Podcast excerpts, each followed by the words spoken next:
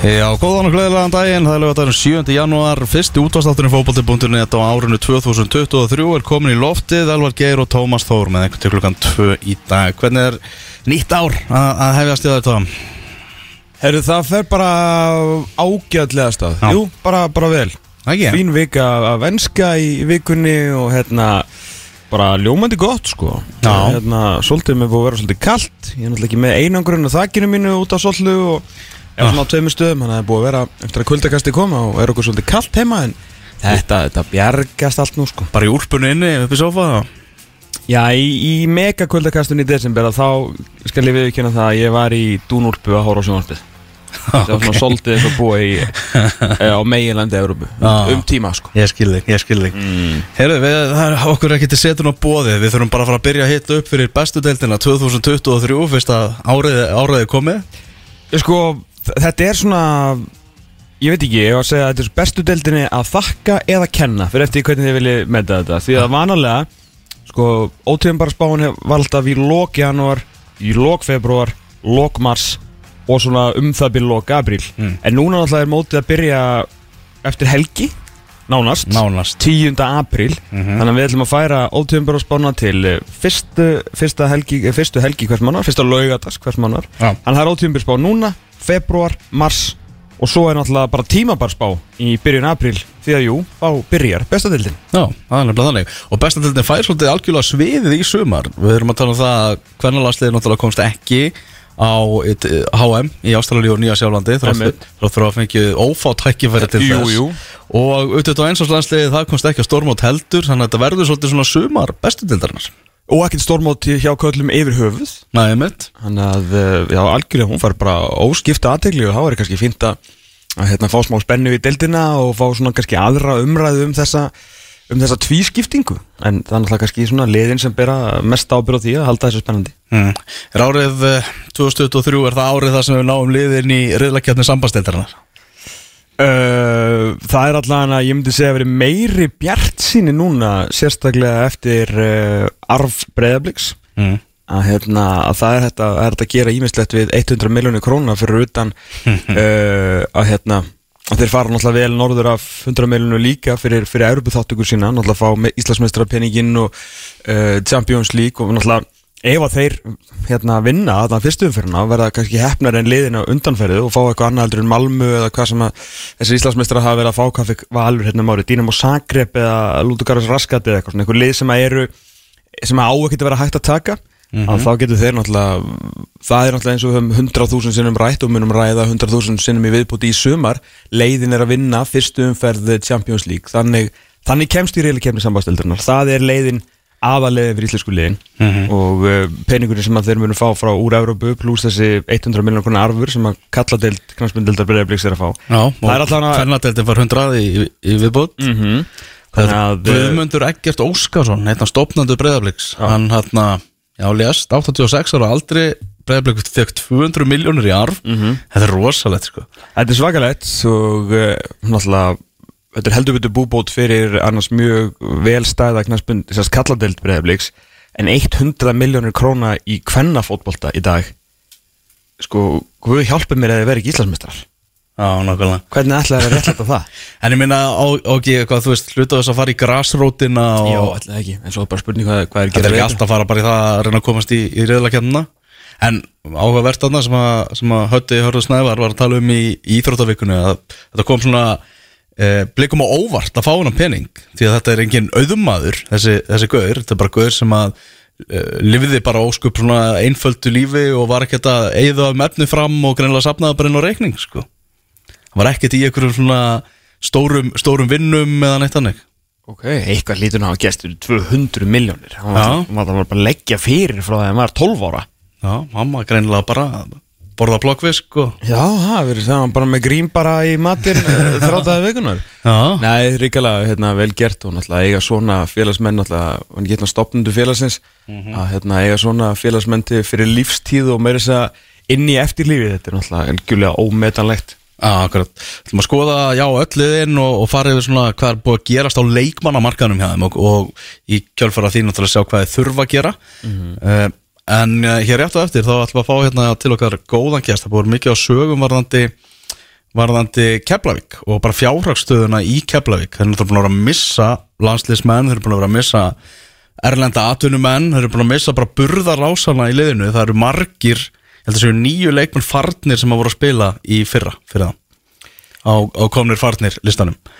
Og Sigurður Garðarsson formaður Keflavíkur, hann er bara væntalögur í hús hérna, uh, rétt og eftir. Ég meina þess að þessi listi er rosalegur. Þetta er Adamæður Pálsson, Danny Hattaka uh, Joey Gibbs, Kian Williams, Patrik Jóhannesson Rúnar Þór Sigurgesson, Sindri Kristján Ólafsson og Adam Óðin Róbersson Þetta eru nánast, þetta er nán, þeir eru að stefna í heilt byrjunarlið fari. Og komnir eru engin. Já, og erfitt fyrir Keflavík bara að fá leikmenn svona í þessari stöðu. Því að það er svo margir farnir að leikmenn náttúrulega hugsa er Keflavík ekki að fara að falla úr þessari deild í, í sumar? Já. er ég, að, er ég að fara í eitthvað þrótt uh, það verður frólt að sjá hvað, hvað Sigurður Garðarsson hefur að segja. Ekki spurning, ekki spurning. Já, hann ætti, að vera að fara dætt í hús en ég ætla að spila fyrir þið lag, Tómas. Já, ég vil að þetta verði hérna marka uh, markalæð í, í vellinum í næsta þætti. Mark, bara alltaf þegar að skora mark? Nei, í lokin, já, í, í palastilfunni Já, þetta er hérna besta, besta lagi sem er í gangi á stöðunni núna á X977 Ok, uh, Stone heitir hljómsveitin. Já, og þetta lag kom út held ég byrju november og það var uh, spilað í hann að Soccer AM þættunum, einmitt í einhverju svona marka sirpu ok. Og vakti mikla aðtegli þar sko. Og, og margir aðdáðundur sem að Er, er, Svo um það var talað og um það var rætt Já, en það var tal, talað eftir því tekið. Já, og, og, ok. og þessi hljómsveit var miklu vinsælli fyrir vikið og ég var að mynda að skoða þarna svona á YouTube hjá þeim Það voru margir að segja frá því, herru ég tók eftir þessu hjá þarna á Soccer AM þá fór ég að tjekka á okkur Drúmt og, og spennandi band frá, frá Liverpoolborg þeir eru miklu tónlistarband heldur betur með og hérna söngverinn er einmitt gríðarlegur aðdáðandi fótbollstælis Liverpool. Þannig að það passar alveg, alveg vel inn í. Herru, John Lennon, 12. besti söngvari sögunar Það er svo leiðis Já, samkvæmt Rolling Stone Sjáum hvað Liverpool hefur bara mikil áhrif ekki bara fótboll en hérna, tónlistarsöguna líka því að e, þetta er náttúrulega svona sæmilega þvælan sko því að maður er alltaf stórbrotin hérna, laga höfundur á sko svo miklum heimsmæli hvar það annað hefur ekki sést en við sko þennan lista þá svona talandum um söngvara þá veit ég ekki alveg með þetta en, en það er svona að vera frá Liverpool. Þá ertu, það er fótbolti og músík. Þetta fó- kunna þér. Fótboll og músík, þetta er eh, Stone og lagið heitir Money. Sigur Garðarsson hér eftir smá stund Það held ég að útastáttur í fótbolti.net í gangi hér á X977 Melvakir og Tómas Þór með ykkur og hingaði komin gestur þáttarins og það er eh, Sigurður Garðarsson formaður Keflavíkur, blessaða Sigurður. Komið sælir, takk fyrir að taka á móti mér. Já, minnstamáli, þetta er mækin aðeins nærðir það er svona við, við munnin Ok. Óna, glæslegt ah, Þarna, þarna erum við að tala saman. Glæslegur Herðu, við ætlum bara aðeins að ræða um þarna stöðumála hjá, hjá Keflavík. Að búið að vera í svona ýmsar sögur, ímsa umræða í gangi svona varðandi ykkar hérna fjárhagstöður, náttúrulega búin að missa marga leikmenni sem vorum að telja bara upp hérna áðan. Bara hver er staðan á, hver, á fjárhagsmálunum hjá Keflavík? Við byrjum á því, bara fjárastæðan er bara góð. Vist, Hún er bara eins og eðlilegt er á íslenskum knaspinnuliðum Það er að segja hérna tímabili gengur svolítið út á það að jafna greiðslustöðuna Vist, hvenar eigum við fyrir eh, því sem við erum búin að skuldbytta okkur til Mhm. en, en, hérna, en við erum skuldlausir eða verðum skuldlausir við alla fyrir á réttum tíma og, og jöfnum þessu ári út og það er engi vandamál þar við höfum ekki spennt okkur lengra heldur en við höfum ráð við sko. þannig að það er bara fín fjárastæða Ok, vildum hafa sterkari fjárhag og ég held að það sé svolítið það sem ískilningur sem að eigis er er að, að þegar að hérna, þjálfarn okkar hófis að umræðu um fjárhag keflaðegur hérna í lok tímabilsins að, þá var hann að tala um það að við myndum vilja hafa sterkari fjárhag til þess að geta ráði við starri verkefni og, og tekið á okkur hérna, meiri verkefni og, og, og, og, og dýrari leikmenn og, og svo leiðis það er það sem hann átti við en, en samanborið bara við íslenska knaspin í dag þá eru við alveg í bara í fullu trefi á sko. Sko, þetta hefst eiginlega þarna og þetta er svona svolítið kynntir hann kannski, já svona allan að það sem er reykur er oftast eldur allan á svona okkar kynnum við þetta. Uh, náttúrulega þessu umræða þarna fer á stað og síðan alltaf byrjar og svo verður hún alltaf HR og HR en þetta getur alltaf orðið kvísleikur eins og er mjög algengt á Íslandi hvað sem það sé íþróttum eða pólitík en síðan alltaf bætum við ofan á öllum þessum lista sem vorum að tala um að náðan og við veitum vilja stundu leikmenn fara til stærri liða og allt það með fullri vinningu sko náttúrulega hérna. En þessi listi pluss öll umræðan pluss það sem Sigir ekki segir þetta er kannski ekki óeðlilegt að umræðan fari af stað og maður kannski svona spyr sig hvort að sé ég veit ekki, er þeir allir, af, af hverju fór allir þessi leikmenn? Bara byrjum þar.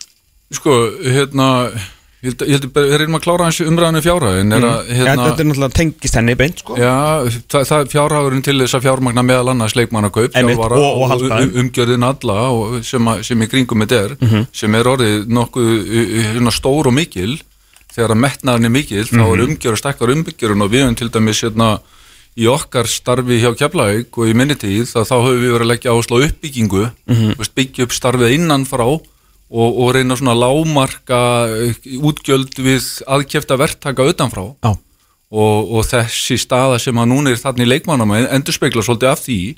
Að stó, stór hluti eða hluti af þessu eru aðkeftir eh, leikmenn sem að eru ekki hluti á uppeldistarfinu okkar. Og, og hérna, þeir koma að fara og muni alltaf koma að fara og það kemur alltaf maður í mann stað þar og svo vinn er bara í gangi núna að finna e, einhverja til að taka við af þeim og, og það er eðlilegt. Það er, það er vegar hérna erfiðast að horfa eftir uppelduleikmennum fara. Jú, jú. Og, og hérna fyrir okkur og, og, og, og ít skiljanlegt oft þegar, að- þegar að þeir eru að fara til liða í sípari stöðu eins og við erum. Að þeir skulle ekki vilja e, veist, hérna launa félaginu tilbaka það sem að það er lagt í þá. Já, já. En, en, en, en ég skil hins vegar þá leikmennin sem vilja sækja á við dæmintýrana Jú, og láta draum sér rætast í atvinnumennsku og slýst og við stýðjum þá, höfum alltaf stilt þá. Mhm.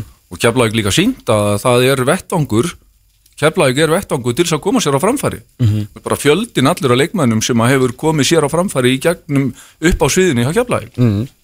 Hérna, einmitt, talandum þess að það Rúna Þóratna fer til, til Öster en síðan náttúrulega sindri hérna í, í FA en sko ég maður því þeir þeir fjalluð á, á sín tíma 2018 og þá var einmitt hérna, þetta var mikið umræðan, þá var talandum aðkjöft vinnu og búið að kaupa alls konar menn sem skilu eiginlega, eiginlega meira mínus heldur en góðu sko, var náttúrulega sömu hverju algjör hryllingur en það er eins og það er, fara niður þá man ég að umræðan var alveg svakalega að taka til byggja á sínum strákum, tóku ykkur meira segja svona með að við stærð kepla ykkur má segja að þeir tekið ykkur auka ár í, í lengjudeildinni til þess að svona jafna allt og svona umræðan var orðin rosalega góð og geng, maður heyrði alveg bara utanfrá með þess að innan úr sko, dýpstu við um kepla ykkur að gengi vel, ungi strákar fór tækifæri og fóru svolítið upp á þeim og ykkar fórsendum en þegar þú segir þetta með aðkjöptu vinnaðablu við sjáum alla sem er að fara uh, fóruð þið eitthvað þú veist út af spórinu, út af brautinni vikuð eitthvað aðeins fara á því til þess að reyna að halda ykkur uppi og er að reyna að fara aftur tilbaka Sko,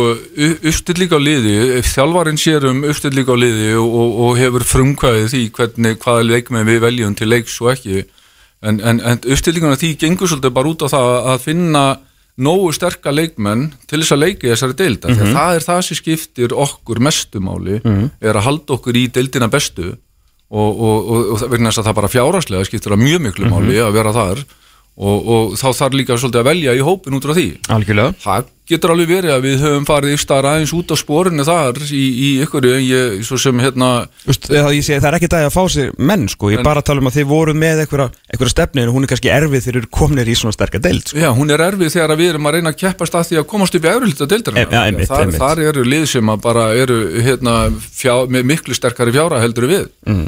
Og, og við þá erum við að keppa og meðal annars um þessa leikmenn sem er að fara Nákvæmlega En hvað er svona eins og farandi núna inn í næstu, næstu mánuði eða bara næstu vikur þið þurfa að sauma saman fótboltalið til þess að vera saman hérna, koma, halda ykkur í deildinni og, og mótin eru að, að byrja á svona og eitthvað hlýtur þjálfarinn að vilja fá í, í hópin hafið hafið bólmang til þess að, styrkja veist, hópin? Já, við erum bara með sama fjárhag og, og, og mögulega sterkari Mm. á næsta ári heldur við erum, hefum verið, vorum með á síðast ári þannig að sú, sá, sá hérna e, budget, ef við getum kallað það Mhm. er alveg til staðar og, og þjálfararnir eru bara að vinna að því núna Já. og við erum ekki ekki að þjálfara teimi Siggi Rækki er rosalega flottur Mhm. Halli Guðmunds með honum Luka Jakic sem er hérna e, komin í, í knaspunum hjá okkur Mhm. gríðalega öflugur strákur rosalega skipulega, skipulega hugsandi Veist, hann hugsar alveg frá eh, hérna, yngstu flokkum og upp, upp, upp á efsta stig og, og er að vinna með þjálfurum eh, bæði á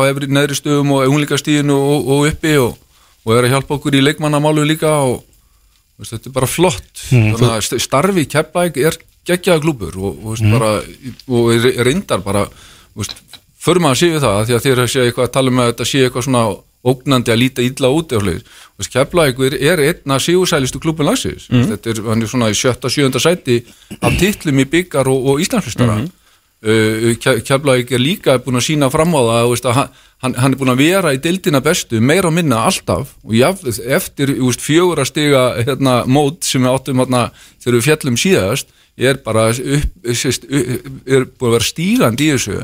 Og við spæði þetta uppbyggingastar sem við varst að tala um og bara árangur á vellinum. Og við vorum alveg fram á síðasta leik í, í, á, á, í fyrra að bæta okkur og það eiga þjálfarinnir heiðu skilið fyrir. Sigur ekki er náttúrulega frábær þjálfari og, og eitt af því sem hann er voðalega sterkur í það er einmitt að sækja leikmenn og, og velja réttu leikmennina.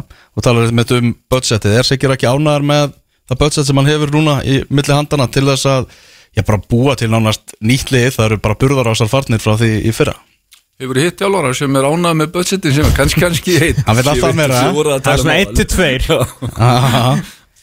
Ég held að hérna, En- hann, en- hann mun aldrei verða ánaður með budgetin en hann vinnur með okkur og þetta er samvinna veist, það að stýra svona umgjör svona, svona flott klúpsins og kjærlægur kjærlæg er að, að það er samvinna. Það þarf að vinna það saman, þjálfarinn þarf að vinna með stjórninni og, og, og starfsmönnum og Hann tellir þið þú veist að þið séu með budget til þess að fylla í þessi skör sem, að, sem eru farin? Já, klálega, al, algjörlega Mm. og erum bara með mörg, mörg játn í eldinum þar sem er verið að, að vinna í mm.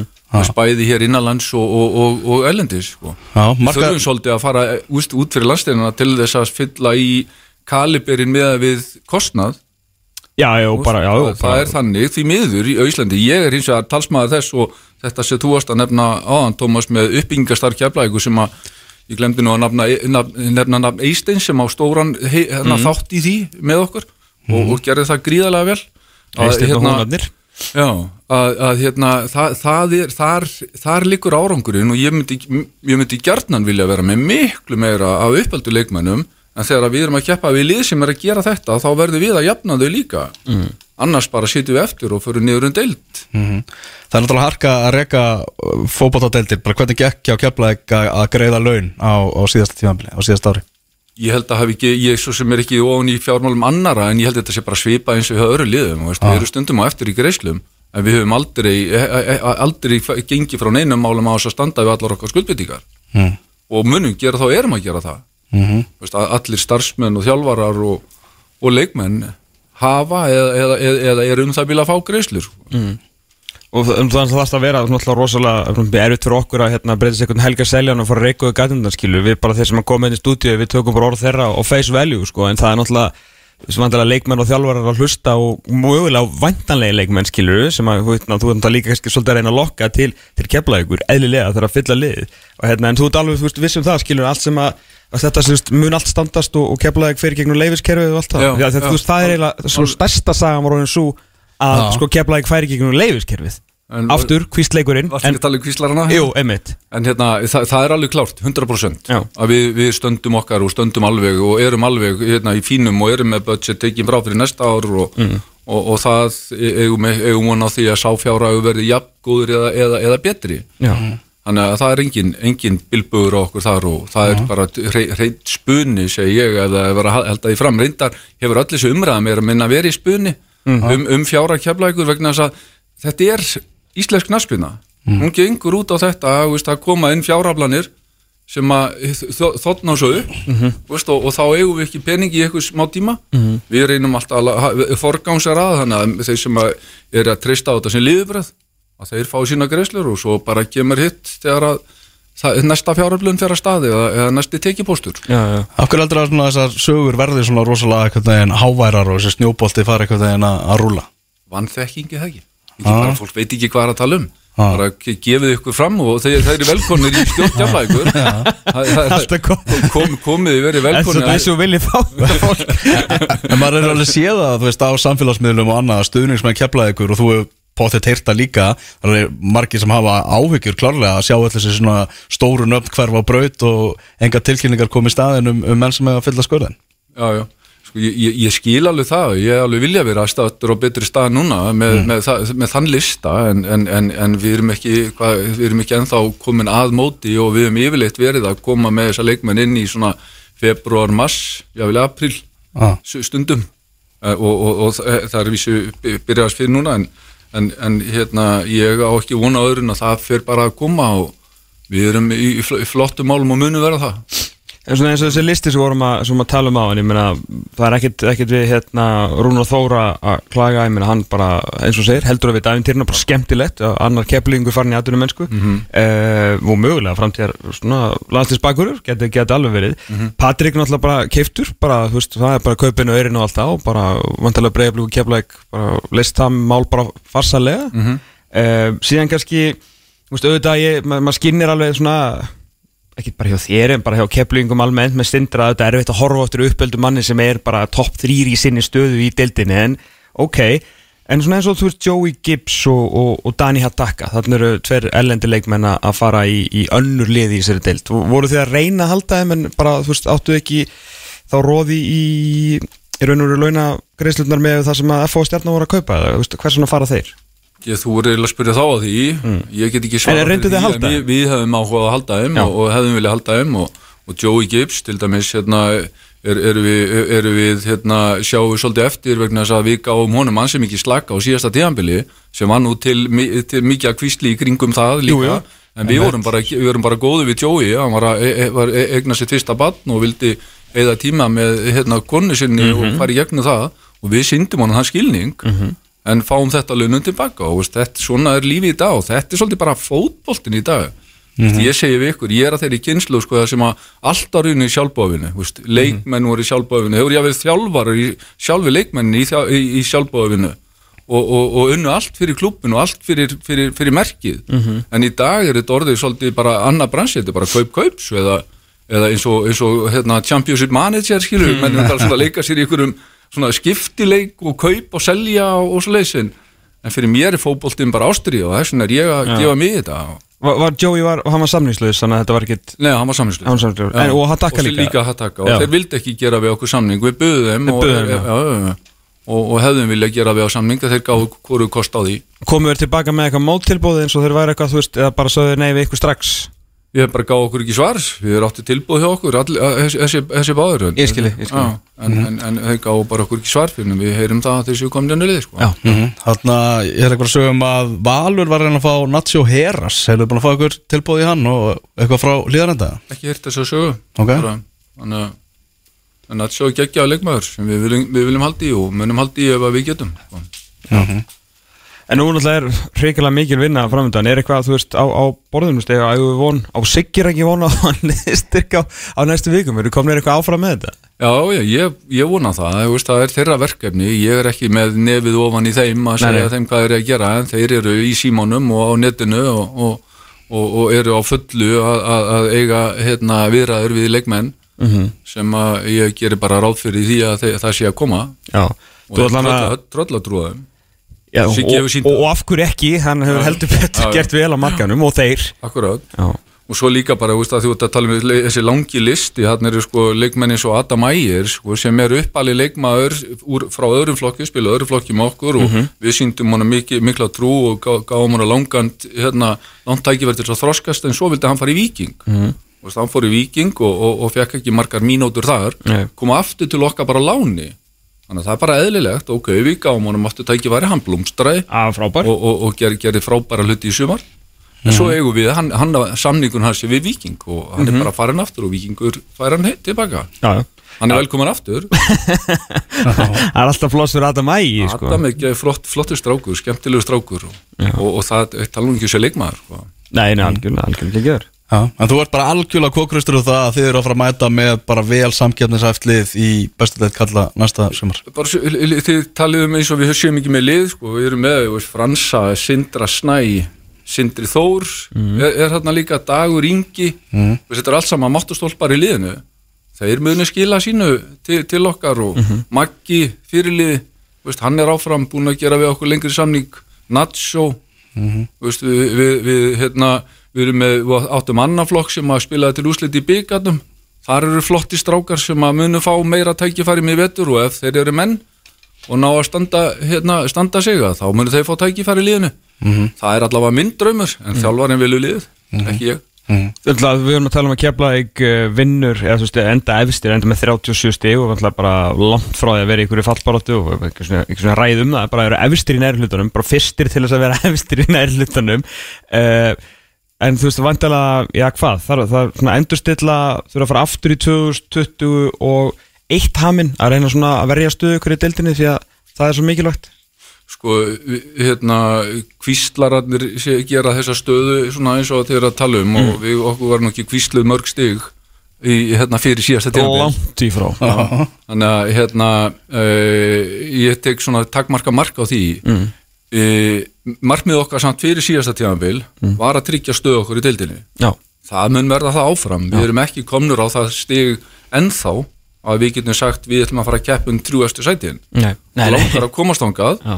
og, og, og munum komast ángað ef við höfum þólumæði og, og skinnsemi sem við getum sínt Mm. í að halda áfram að byggja okkur upp og, hérna, en, en við erum ekki þar þannig að markmiði næsta ás er bara að halda áfram að tryggja stöðu okkur í dildinni og, og spila betri fótbalta og skemmtilega fótbalta Já. Sko, maður hérna, maður reynir svona að fylgjast með fréttum almennt, þá er það um almennum fréttum. Uh, hvernig svona, og bæjarfélagi keflaði, er ekkert eitthvað svona eitthvað brjálaðislega stöndu þessi árin, allan með það sem maður les en það er nú eitthvað svona komin alltaf stefnir hann eitthvað landeldi og svo fór alltaf hérna þessi, hérna, þessi kísi versmiða sem varði ekki, maður svona reynir að vita húst, alltaf hvar peningarnir eru hverju bæjarfélagi hvernig er fyrir Keflavík og raunur kannski bara félögin hann í Reykjanesbæ að sapna peningum úr sínu samfélagi, þú veist, eru nóg mikið stórum fyrirtækjum til þess að fá svona alvöru sæðlæðin Ek, ekki nú við höfum frábæra velunara sem að stiða við starfið okkur. Mm. þeir eru margir, smerri Já, einmitt. Uh, en, en hérna það vantar þessa stóru. Já, Við erum til dæmis með stærsta útgera félag landsins sem gerir út, ég veit ekki hvað marga tíu flugvela frá flugherminni í Keflavík. Mm. Veist, á meðan að útgera í Grindavík er, er, er gefur út skipa þá gera þeir út flugvelar Já. við fáum ekki krónu frá þeim Hver, hver er það? sem er Æsland, hittir Já, Æsland bara Æslandeir, ég ætla að það er mér í Savi, ok Sér þeir gera út þarna flugvelar, ég veit ekki hvað mikið að þeim og Já. hvað mikla starfsmennum, Já. með fleiri þúsund manns í vinnu Já. svo erum við með stopnum En þeir stiða engin íþrótta almennilega, sérst félagslega þeir, þeir, eru landslis þeir, þeir langstast, mesta starfsemi þeirra er í algjörlega, og, og, og þeir, hafa ekki sínt, sínt félaginu sinni sína landsliðinu stunding en, en, en, gera það ekki þar. Að það Hvað, er meira stórt þarna? Hvað er meira stórt í Reykjanesbæ? Það er meina svona ákveðum þannig skala netto er, er, er dullett að stiga við okkur. þeir, þeir eru orðnir stórir á landsvísu. Háis Orka er líka góðu stuðnisaðili hann Ok, bílalegurnar Já. er, er, blóm, hérna, blómstrandi starfsemi og við erum svo hefnir að, að margir að þeim rekstraðalum bílalegana eru veist, í hjarta sínu heimamenn Já, og vilja besti- stiðja við íþróttastarfi í bænum. Og Há- besti leikmaður síðar í tíma bara svona, náttúrulega, svo stæsti Já, já, já, já, í já, já. þeim frasa. Já, já, og, við, og bara og, og, og, bæði geysir sem er búin að vera okkur styrtaræðli núna í fjölda ára og, og svo mitt bæði bæ, báðar þessar bílu það sínt okkur mikinn hérna, í gegnum, gegnum hérna, tíðina og verið ennað Hmm, Hvernig er hann að bara samkeppnin og rífurinn núna við njarðvíkingana sem er náttúrulega komnur upp í, í lengjudeldina er meiri samkeppni um fjármagn milli þessara félaga heldur en hefur verið og, og slíkt Ég veit það ekki, ég held, ég held að það sé þeir, þeir eru bara í sömu stöðu og við held ég sko, þannig að ég þekki að ég, við höfum alveg verið í samskiptu við á en þeir eru bara í svipari stöðu á við að, að það vantar fleiri stuðnisæðil og, og ég, ég, eins og ég var að segja ykkur á að mér fótboltina að vera svolítið að breytast bara hérna mér var, mér var, mér var mikið brúðið þegar einn ein formaður eins félagsins hérna talaði um þetta sem atvinnugurinn mm. fótboltana, hann var orðin atvinnugurinn Veistu, þá er, búin að búa til eitthvað svona hérna, fagmennsku úr þessu. En, en hérna ég, ég er ekki þar. Við erum íþróttafélag. Við erum að leggja til fyrst og fremst við erum að leggja til samfélagsins. Við leggjum gott fólk inn í samfélagi við hjálptökum þátt í uppeldi barn og ólíka sem að langflest verða ekki afreiksmenn og, hérna, og erum stolt af því að, að, að gera það. Þar, þar liggur kraftur íþróttafélagana hann er ekki í braski með eignir eða, eða, eða eitthvað svo leiðis þó að það sé ágætis fjáröflega leið sko. heldur eigum við að reyna að ala upp betra fólk mm. fólki svo ykkur sem að vantala hafi farið í gegnum hérna, fótbolta uppeldi eins og ég og, og, Jú, jú. hérna, og njóti gósa í dag að, eiga góða minningar og kunna taka tapi eða sigurum eða Já, ég kann það nú endur ekki.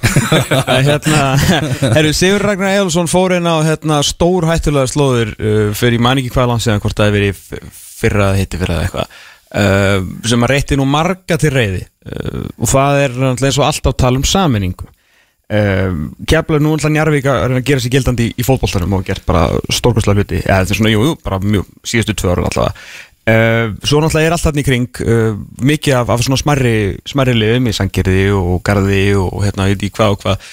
Hvað hérna, sko, að ég, ég veit það fyrir víst að ég svona, þekki nú nokkra mjög harða keflinga sem að sögðu mig það að sérstaklega svona sko þegar það eru mikið reyðis þessu Sangerði og Garði og svona, þeir hefðu ekki haft neitt húmor fyrir þessu. En við tölum bara um Reykjanesbæ að nú hérna gerðist það einu sinni að bara Teitur Ollisson og Guðjón Skúlásson voru í sama, sömu treyinu og það skildi engin neitt sko. En það var ansið gott körfuboltalið einhverja síður IRB hérna eh, um aldamótin eða svo Hvar, hvað stendur þú í þessu og er þetta einhver lifandi möguleiki að Keflavík og Njarvík bara saminist og reyna að búa til já bara svona mjög stöndum á klúb sem geti alveg gert bara allu að jafnvel, allavega Evrópa og Íslandsmeistara titlum svona ár eftir ár Ég heldur svona áranguslega á knaspinduvellinum og í Íslandsmótinu þá sé tækifæri þar sem þú vorst að tala um. Að- vinna meira saman að þessu æðstast í afreiksmálana mm.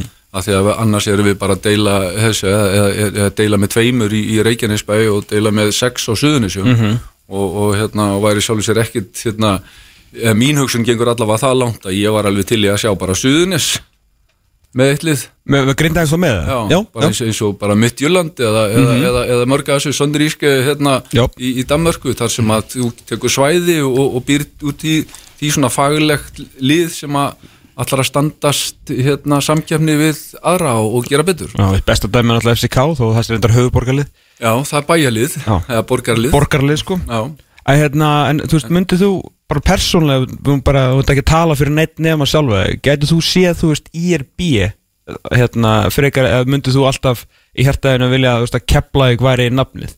U- upphaf velgin í keflaðíkur kemur úr nákvæmlega svona aðstæðum. Þú Veist, tvö líti lið, KFK og UMFK Já, uh, sem að voru hvortum sé að að gera út fótboltalið í, í næri dildum já, og þegar að það var saminað í IBK sem er íþrótta bandalakjaflaðugur Mhm. Að úr því urði nokkur Íslandsmistaratillar og, og, og frábæri leikmenn. Já.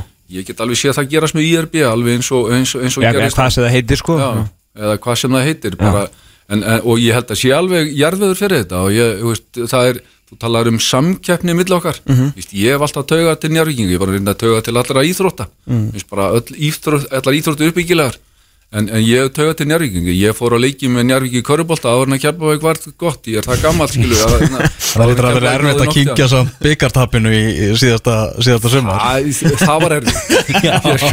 Ekki tímynda með það. Það var, þetta var fyrir niðan belti óþar var að tala um þetta.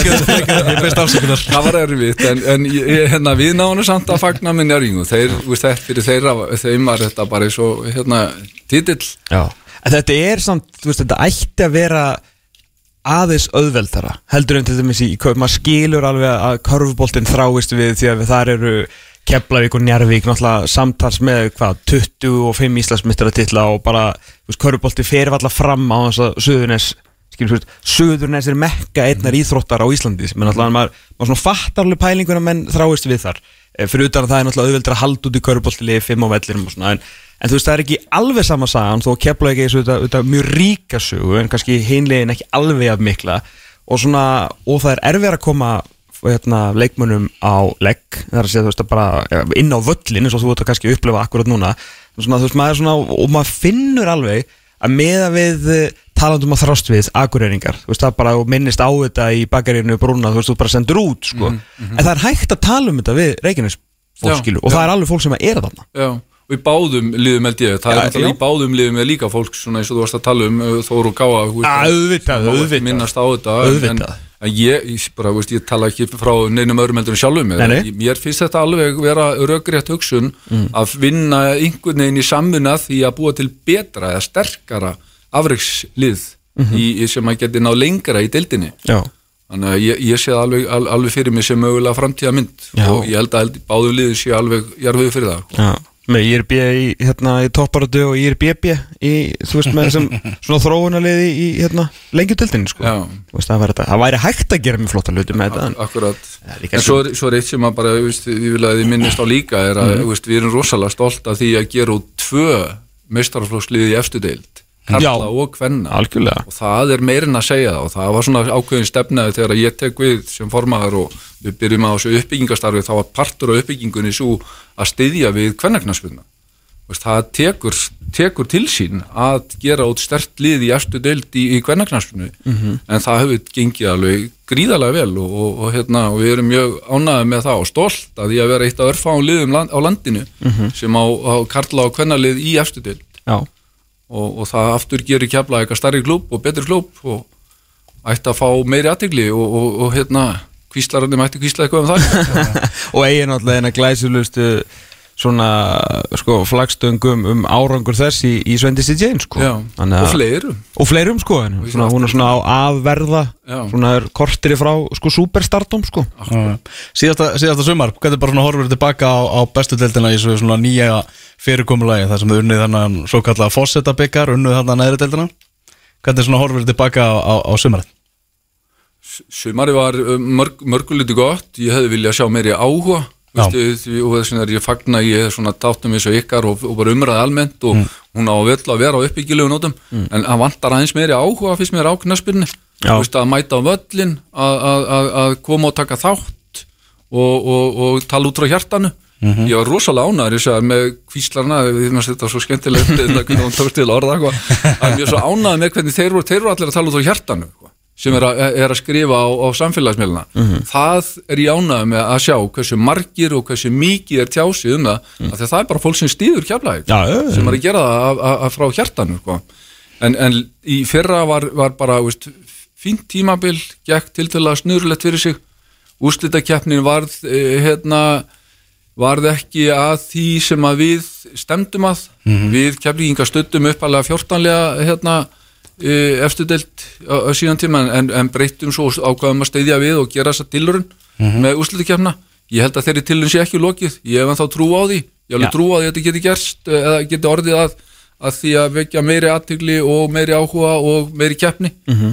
Og, og hérna og þess vegna held ég að við höfum ekki alls ekkert að fara að vera að tala um það fyrir en að við höfum eitthvað til þess að tala um. Nei, við, við fáum núna eins og vel var að segja í byrjun þáttar sumar án stormóta, án stopps, án trublana skilur, þú veist, það er allt hérna, búinir að prófa þetta einu sinni, skilur, það er allavega, þú veist, svið er sett til þess að fá þetta svona kannski í aðeins betri mynd. Akkurat og mögulega ef að þarna krakkarnir á veður hefði kunna læra á tækin sína, við kannski fáum mögulega sól svona einu sinni og einu sinni, sko. Það er bara reisast og þáttur í þessu. Vá. Nei, ég meina, þú veist, það var regning allan júli maður, hvað, Já. þú veist, það er engin, það nennir engin á öllin, sko, Æ, ég veit. Því miður. En ég er sammálaði með áhugan áhugan En svo við gerum náttúrulega góðan sjómasamning við sín og, og, og, og hérna, þar fáum við félögin eitthvað að tekjum Jú, jú. en á móti er fullt af fólk sem velur að sitja heima og horfa á leikina sem er ekki eins gott fyrir völlin Nei, nei En það, það kom líka bara eitthvað fyrir eins og ég, ég er ekki búin að ná að festa fingur á hvað gerðist en svona, ég tók eitthvað því í sumar að umræðan um mætingu var að engin. Þú veist, KSI hætti alveg að skrifa eitthvað fréttur um hvernig það var en það var hún bara ekki góð og þú veist, ég bara svona, ég maður nánast eða svona gafst upp á því að reyna reymbast við að fá fólk á völlina því að mér líður eins og 800 sé bara 9000 þú veist, maður eigi bara að vera án, bara mjög ánæði með 800 Já. ég veit ekkert hvað kom fyrir hérna sko að því að þú veist, deildin er alltaf einhvern veginn fyrir, allan fyrir okkur alltaf stærri og stærri betri leikmenn að koma í hana og hérna ég veit ekki það spilar alveg inn í að fólk datt út úr röðmannum í COVID sko. Ekki spurning, en það er náttúrulega beint eftir COVID var svona kálvara voristemning þá var rosalega mikið á vellir mér finnst það svona rjáttlast liti fljótt af því sko. ég, maður, bara maður veit ekki hvað það er en maður, eins og segi hreint sumar, engin stormót ekkert stopp. Svo skiptir þetta líka, líka málið á stóru liðin að þeim segja vegna vel. Auðvitað, að Já. reysa þáttur í og þegar Valur og Káur er að valda vambriðum hjá sínum stundismönnum þá er þetta erfitt. Og FH, þá er þetta erfitt. En, en gó- góðu hlutin er það að það er, er, er áhugi á knaspunni Já, já, já, áhugi á henni, við, það er fjö- fjöld mikið að yðgöndum, Mhm. það er mikið að fólki að tala frá hjartanu svo í, í, í, á samfélagsmiðlunum. Algjörlega. Uh, hérna, félagsstarfi okkar, við erum að fara að halda 800 manna þorrablótu næsta helgi veist það sem að 800 keflíkingar koma saman til þess að borða vonda mat. Frábæra mat. er það knastbundeldin eða, eða keflaði gíþróttafélag Karvan og, og fótboltinn saman. Og eins og ég segi líka bara maður sér það á fótbolta.net bara textalýsingunum og fréttunum hjá okkur og lestrinum, það er allir að fylgjast með. Það þarf bara að reyna að koma svo fólki á vellina frekar. algjörlega, algjörlega. Og, og tala um þetta veist, það má á að gaggrina en tala gaggrina með uppbyggilegum hætti Mhm. veist, eða svona jákvæðni og, og bara eins og, og taka svona samtöl upp og beint um málinn í staðin fyrir að vera kvíslu með þau Já. eins og þið eru að gera núna. Þorrablót keflaði sko, það er Ég Ég get- veit bara ekki hvort ég myndi hætta mér reyna Maður hefur heyrt alls konar sögu Það er alvöru Það er fyllir í að gamla skólanum Það er- Eins og Þorrablóð eiga að vera. Það er flott, Það- flott það skemmtun. Það er í gang Er þetta um helginu Það er bara svona, þú veist, það er svo gaman að mæta svona skemmtu það sem bara allir í sama liði, sko, það er nánast, enda reynda hef ég stundum hitt heitt vinn minn hana, Öllis. Já. Sem lagði sér ekki. Ég Nei, veit ekki hann hvað það sé að koma núna en, en hérna en, hann er það- ekki á bíl. þetta er gegg- geggjaður hérna, ge- geggi skemmtun. Já, líka skemmtilega við svona, einmitt svona söðunessa svona kultúrin er að hetjurnar eru svo hérna ég veit ekki, það er alltaf svo duglegar að mæta á svona, þú veist, þú fer ekkert á þorrarbútt kepla ykkur á hans að sjá bara þú veist, 90% líkur og sjá er allt gullaltalið mm -hmm. þú veist, að þeir eru þarna og, heyra, veist, er, og þeir elska að segja sögur á salunum sér, sko, og maður elskar að hlusta á sögur þannig að þetta er svona, ég hef alltaf, alltaf fílað það svolítið í sögurinn, þeir eru mjög duglegar að mæta, sko. Nákvæmlega. Er ekki bara að segja þetta gott? Sigur Garðarsson formaði kepla ykkur bara takk hjalla fyrir að að koma Mættir hér og, og bljast á sögursaklir um fjárhagsvandamál hjá, hjá, hjá keflaðik Við hlokkum bara til að sjá fréttir af, af kom leikmanna. Og fara að fylla í ko- komnir dálkinn líka. Það, e, það, það fanta svolítið hann það mun gerast. Við ætlan að förum með hérna við slökka hvað ég lækki útvarpinu. Við erum að fara í ótíðum bara spána eftir, smá. Hlustaði bara næstu ótíðum bara spá. Því megi kvíst þess að við viljum um þessa hluti því var reyndist ekki samspáður í fyrra Það er rétt, að það, er það bara- skýtur engum máli hvað við segjum eða hvað þið gerir, það er bara þannig. Sigur Garðarsson, takk hjálpa fyrir komuna. Við höldum áfram eftir augnablík Þú ert að hlusta á fótbolti.net á exinu 977 Er það komið tími til að byrja að spá? Það er ótíma bara að spá en svo fyrsta á þetta árið fyrir bestu deildina 2023 Heldur betur og uh, núna akkurat ætti að vera svona brjálu stemning og stefið ætti að vera í gangi en hingað hefur eitthvað brotist inn í fiskabúrið og hent stefinu. Já, það komið út úr tölvunni. Já, öfundin, hún er mikil. Já, það er heldur betur. En við eigum ráðundir yfir hverju og stefið það verður mætt hérna fyrr en varir. Já, geta hendi eins og þið viljið, það kemur alltaf áttur Heldur betur. Heyrðu, við ætlum að fara yfir ótíma bæru spána Liðin valla búin að spila eitt nýr neitt. Mm. -hmm. Kjarnafæðismótið það fór í gang núna í, í vikunni og svo er Reykjavíkumótið að fara í, fara í gang uh, Þungavíktarmótið sem að kemur í staðan fyrir fótbolta.net mótið Er það staðfest eða? Já, var það ekki? Það var, jú, það var staðfest Ok Það voru hérna aðdeildarlið sem að eru þar Hver er dæma þar? Dómarinn hafa ekki tími, eða? Já, þeir sem ánægða með umfjöllum þungavíktarinnar þeir, Já, já, þeir dæma þar. Ok, ok. Um dómar um, umræðina þar. Mhm. Heyrðu, förum bara byrjum í 12. sæti og þar er bara Keflavík, það er ekki flóknar en það. Við vorum, vorum hérna með Sigur Garðarsson formann Keflavíkur hérna hjá okkur og hann blés á allar sögur um fjárhagsörðuleika en það breytir hins vegar ekki því að allur þessi menn sem við vorum að telja upp hérna áðan menniti sem voru að sjá um að koma í veg fyrir það að Keflavík fengi mörg menniti sem voru að sjá um að Keflavík myndi skapa og skora mörg þeir eru bara farnir. Og það er ekki búið að fylla upp í, í skarðið. Eh, Sigurður segir það að það sé til budget til að fylla í skarð þessara manna. En það þarf að finna mennina til að fylla í skarðið og við þekkjum nú íslenska markaðan ansi vel. Og ég veit ekki hvaða leikmenn hér á landi keflingar ætla að fá sem ætla að fara að gera eitthvað gæfu mun á, á, á þessum tímapunkti. Og keflaði er ekki sætast að stelpa hann á ballinu eins og staðan er í dag.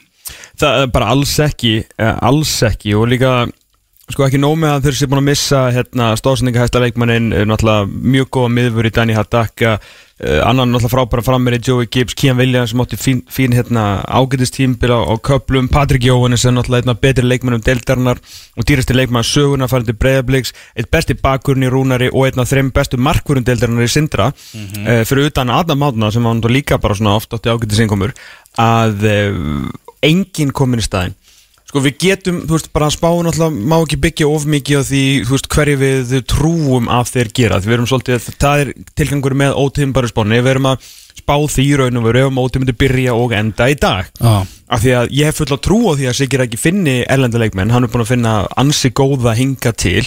Uh, Sigur Garðarsson segir það sé tilböðs til þess að fá allan menn á þessu kaliberi og talaði mikið um það og svo kannski hefur maður ekkert einhverja óbylandi trú á háká núna en gleymið því ekki ef að kefla ekki alltaf að halda sæti svona í deildinni þá þurfa tvölið að vera fyrir neða og ég veit að fylgir er líka komið upp en fylgir, þú veist, er ekki eitthvað klubur þeir eru með, þú veist, þeir eru ekki búin að veist, missa jafn mikið og þeir voru þannig að það er auðvildar fyrir þá um vika fáleikmenn líka.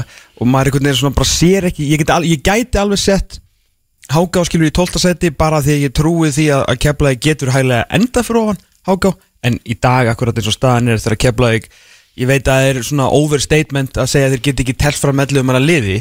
En það er samt eiginlega ekki óvisteytni með hvað, þú veist, hvað eru að tala um á bestu deildar gæðum. Mhm. því að það allir leikmennir sem eru að fara svona 90% af þeim sem eru farnir eru bestu leikmennir í liðinu. Já, ég, ég hef aldrei séð svona brottkvarf sem var ekki bara við svona vísvitandi losun á leikmönnum þegar eitthvað lið var bara hreinlega að reynsa borðið til þess að gera eitthvað nýtt eða var, jú, var komið eitthvað fjárhagsvandriði mm -hmm. þetta er bara, ég hef ekki séð svona mikið brottkvarf úr byrjunarliði frá jafn upplöfulið og keflaði var það er svolítið En svo sagðir Háká nýlegaðar í deildinni Þeir eru í 11. sæti í, í þessu, þessari spá Og ég held að það komi engum óvart, það kemur Háká engum ekki óvart Það kemur Ómar Inga sem er að þjálfara lýsi sem, að- sem er að hlusta ekki óvart Nei, einmitt, erum við eitthvað diggast að hlustanda sem við síðast ára tugin sko. mm. Hákaliðið er svolítið svipa bara og þegar fór niður í raun og veru og það er aldrei svona eitthvað sérstaklega hefur ekki þótt gott hinga til allavega, þeir eru vissilega búin að fá um, Allar Rafn Andrarsson frá, frá IBVF sem er fínt og Brynjarsnar Pálsson sem að ég veit nú voru fleirilega að spá í fyrir síðustu leiktið uh, líka sem að, sem að hérna var að koma frá, frá IA Ég er smá spenntur að sjá hann Svona hvort að gera hann jafnvel bara gott að komast í, í annað umhverfi Ég er næstu því 100% vissu það Já. og það sama á við um aðra leikmenn sem er að tellja upp í þessu skæli en við kannski gerum það þegar við förum að tala um lengjudeildina síðar þetta er gæði sem held ég er verulega gott að komast í annað umhverfi Já. aðra rattir út úr komfortzónu og aðeins að skipta um treyju Mhm. og þetta er ekki eitthvað diss á í að skilur þetta er bara við erum búin að tala um sömu nöfnin núni þrjú til fjögur ár sem við erum ekkert eðlilega spennti fyrir undirbúinustímbulinu og svo geta, ég veist, gera þeir ekkert fyrir okkur og ekkert fyrir liðir sín. Þannig að já, ég hérna, Bjarni Gunn uh, náttúrulega Stefán Ingi muna mikið um það. Mikið um það. Mikið um það, náttúrulega algjörlega frábæri deildinni á síðust ári og ég man ekki, er hann ekki vann ekki að klára núna? Er hann ekki bara orðin bestu til það leikmaður í sumar? Nú, ég held að ég held það nefnilega. Uh, hann er tæplega að fara að spila í, í breyðabliki og orðið bara svolítið eftirsóttur. Það er stótt fyrir háká að fá hann aftur og ég vil bara klára það og fá hann bara breyta honum í hákáing. Já, já, það er bara risastórt og margar sem dreymur um það þarna í, í, í kórakverðinu En við erum búin að horfa á það, við sáum, þú veist, fylki falla, komu upp og falla aftur, emmitt á því að byggja svolítið á þessum sömu nöfnum. Og þetta er náttúrulega leikmenn sem hafa haldið sér í deildinni en, þú veist, Arnan Freyr er ennþá í markinu og Leifur er ennþá í vörðinu, Örvar Eggertsson hérna var líkilmaður í þessu liði, uh, hérna, fleiri, hérna, Hákon og komin heim, Alli Arnarsson, öflug leikmaður, var samt í falliðinu, uh, aukarspilnu Ívar, Þú veist, þetta er rosalega mikið af nöfnunum sem að fóru niður. Mm -hmm. þeir þurfa að háka á þarf og Ómar þarf rosalega mikið að, að það er ekki eins og þessi slagir menn búin að vera að þjálfa þetta fótballtælið sko. Nei Þú veist, bara fóru, við bara á Jóakala í, í Brynjar Björn og í hvað og hvað. Þannig að hérna, þeir, þeir þurfa á okkur svona sniðugum uh, sænings að halda til þess að reyna að halda sætisinu í deildinni. En eins og staðar akkurat núna þá sé ég ekki, á- ekki halda sætisinu í bestu deildinni. Nei, það var rosalega auðvelt einhvern veginn að setja þessi tvö lið í, í, í rauðursætin og síðan í sætinum þar fyrir ofan hinn nýlegaðnir fylgismenn uh, Þar var náttúrulega Rúna Páll við, við stjórnvölinu og hann sagði bara strax að þau fóru upp að það eru ekki mikla breytingar á liðinu hann hefði bara tröll að trúa á þessu, mannskap sem að væri með í höndunum. En það er alveg ljóst að þeir þurfa samt á nýju að halda þeir þurfa markaskorra Pétur Bjarnason er komin frá, frá vestra. En hvort að hans er tilbúin að já, taka bara þá byrði að vera helsti markaskorri fylgis í efstu deild þá eftir að koma í ljós ég held þessi að leita að, að annari nýju öðra strækers Já og hérna Albert búin að, vera að tala um það líka og var, var ekki eitthvað reynslu hjá þeim um daginn og svona þegar þeir eru Já. klálega að leita hérna, öðrum markaskorur og það er alveg klárt Já. og þú veist til þess að hérna, vera ekki einhver hipokratis að þá náttúrulega máli benda á það að fylkismenn eru líka náttúrulega með mér og minna samanlið og fjall sko. Mhm. en kannski stóri munurinn á fylki og háká finnst mér að margir af þessi leikmennu sem að fjallu eru sko fættir svona 99 til 2002 á meðan að þú veist við tölum um Leif og Ísak og Alla eh, hérna Arnars og þessar fleiri strákar sem að Orvar Eggersson og þessar strákar sem að fóru með hérna Arnar í markinu þetta er svona þetta er aðeins eldri leikmenn á meðan að við erum að tala um í þessu fylkislið ok, þeir eru búin að upplifa þá hérna, það volaði að falla eiga sér núna bara 22 leiki í lengjudeldinu þar sem bara unnu deildina og voru bara flottir og komur svona aðeins meiri svona aðorðin kannski að orðina aðeins meiri mönnum. Unnarsteit, Arnur Gauti Þórður Gunnar, ég veit að hann er bara komið nokkuð tímil núna. Hann er samt bara 2001 móti, sko. hann er bara 22 ára gammal það getur leikmaður sem ætti bara svona stórt tímbil uh, Emil Ásmunds komin aftur, reyndar alveg 95 módel en þú veist, fá smá reynslu þar og alvöru fylgismann líka. Uh, Birkir Eithvarsson, Nikolás Val annars sem getur sprungið út, Benedikt Darius Garðarsson. Óvænda stjartan í lengjudeildinni fyrra. Já. Mikið af svona ungum og sprækum strákum í deild sem er farin að snúast rosalega mikið um hvað getur hlaupið meira Og Rúna Páll hann er alltaf ánæður með hópin og fer ekki lengt með það. Og hann tilur þessi strákar þessi tilbúnir og bara reynslunni ríkari eins og þú segir eftir, eftir þessa tímabil í, í lengjudeldinni Já. Herðu í en við erum að spáðum samt tíundasæti við erum að spáðum alveg blúsandi fallbarátt Já, já, já, já, algjörlega. Já, já. Herðu, níundasæti IBVF Vestmannegar Já. Það hefur verið uh, talsvöla breytingar á leikmannopnum af þeim og allt stefnir í það, það er ekki komið staðfest við inn en að Andri Rúnar Bjarnason verða ekki með þeim. Nei, nei. Að uh, hann fari, fari annað og er náttúrulega líka búin að missa Telmo og Sito sem eru búin að spila stórt hlutverkjaðan Já, sko eins og staðinir í dag get ég alveg séð fylgjenda fyrir ofan IBF, sko, bara svona persónlega en, við bara hættum spáðum okkur núna.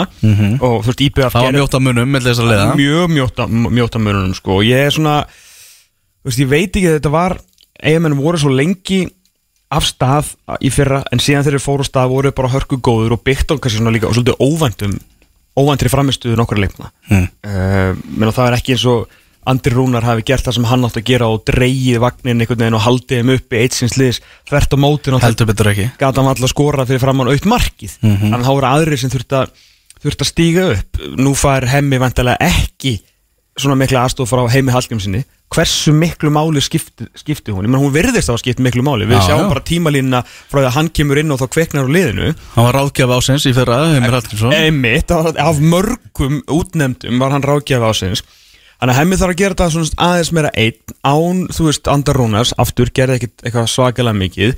En uh, jú, það er svona, þeir eru samt alltaf með hennar heima þeir eru með hennar, þú veist, djöful gang og svona, þeir eru með Eða Aron ennþá þú veist, þeir eru með Eðar þeir eru með Eða og við náttúrulega um Markov talað um hann hversu góður hann er. Það er líka gaman að þú veist margir leikmenn í deildin sem eru að vera heimsækja skrifstofu fótbolta.net núna í vetur og eftir tímabilið í alls konar viðtölu og eitthvað. Mm -hmm. nánast hver einn og einasti bara talar um það hversu góður Eður Aron er bara að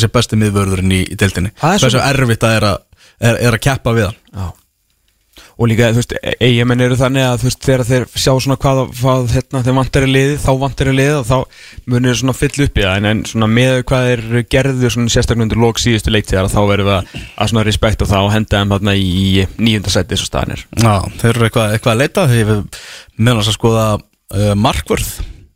Mhm. Já, Gís mitt uh, á blaði. Já það væri ekki amalegt maðurinn sem að Her, hversu góður er hann í marki samt? Já, hann er búin að eðalega sjálfströsti á Jets og Sancho en frekar. Sancho var nú ekki hátt uppi þegar hann var sendur hann á gerfugrasi að æfa að reykja boltamilli kelna í úlpu sem er náttúrulega eitt skrift þetta myndband síðan séð. Mm. hann hefur bara kannski ekki skora mark. Nei. Þannig að Guy Smith, þetta er bara, þú veist, hann er að hafa hérna marg 20 miljóna punta áhrif á, á Manchester Áttundasæti í Spáni eru framarar í Úlfarsárdal Enduðum við í áttundasæti á síðustu litið í 22 leikim. mm. Jón Sveinsson og nýra aðstofamæður hans Ragnar Sigursson mættir hann uh, það er eh, einhvern veginn svona minna Almar Ormarsson hætti það var svona smá leðilegt Mm.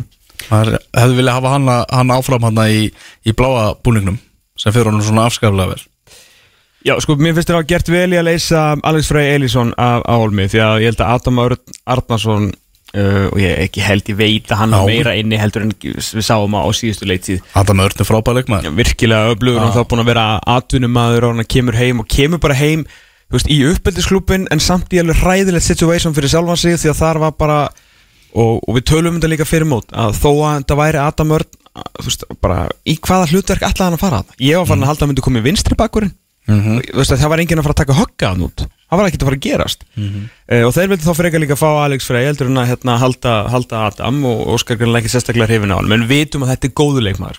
Þannig að þetta er eins góð hérna, löst á að missa Alex Frey og hægt og hugsa skitur í Mhm. að fá Adam Örnandi það er virkilega vel gert. Uh, Aron Jó frá, frá Grinda svona áhugavert sko. Mér finnst það mjög áhugavert og ég hann Aron Jóhansson er, er mjög öflugur leikmaður. Þetta er góður leikmaður, Ah. þetta er bara spurningum Ég einhvern veginn hugsa bara, veist, ég held að þetta sé bara match made in heaven einhvern veginn að hann sé komin í þetta umhverfi undir stjórn nonna hjá fram. Einmitt, svona að því að góðir fótbollamenn alveg og við sáum með hérna uh, okkur stóliðu mér brasilímaðan á miðunni Tiago Tiago, Tiago, Tiago hérna, þegar einhverju heldur að hann væri kannski ekki öflugur og, og það var alveg það voru pælingar sem áttu svo sannarlega rétt á sér. Að Tiago myndi ekki kannski fungera í bestu deildinni veist, ári, eða veist, ári eftir að væri grindað tveimur árum eftir að hann hefði hætt og hefði bara spilað í lengi deildinni er Portugali Portugali fyrir ekki. Já, að hérna uh, tala saman og brasilíum það. Er mitt að hérna en það er mitt bara svona eitthvað bara fótboltinn fungeraði fyrir hann. Já og ég held að gæti alveg klálega að vera sama fyrir Árin Jónsson er Það, það er eiginlega bara ástæða fyrir því einmitt að ég hugsaði bara Þetta passar einhvern veginn. Ég ætla ekki að efast aftur um það þegar að Nón er að sækja einhverja leikmann sko. Nei, og líka bara svona einmitt sama með, sama með Adam. Þannig að uh, hann náttúrulega er ekki sama buffið og, og sami leiðtóðin kannski og Almar Ormarsson, ég held að þeir muni sakna hans verulega. Og ég, þess vegna ef ég væri nonni og myndi nú örgulega reyna að halda honum bara eitthvað hérna í kring sko, þótt að væri nú bara sem einhvers konar liðstjóri eða, jú, jafnvel ráðgjafi Fyrir ráðgjafi jafnvel ráðgjafi að þá er þetta framlið sko, maður svona býð, býðst það er mjög auðvelt að tala um second season syndrom hjá þeim sko, þeir fengu á sig helvíti mikið af mörgum veist, þeir, þurfa, þeir þurfa að halda áfram marka skorunni Já jafnliða því að þeir að fá svona mikið af mörgum á sig.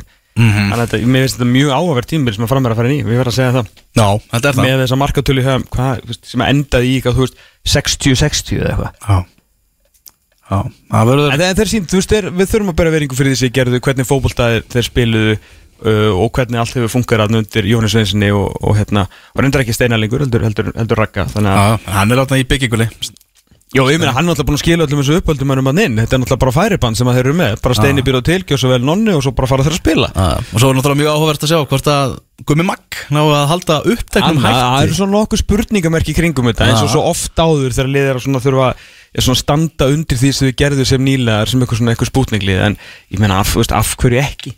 mm Ótíma bara spáin, fyrsta ótíma bara spáin fyrir tímabilið 2023 og við erum komin upp í sjöönda sætið.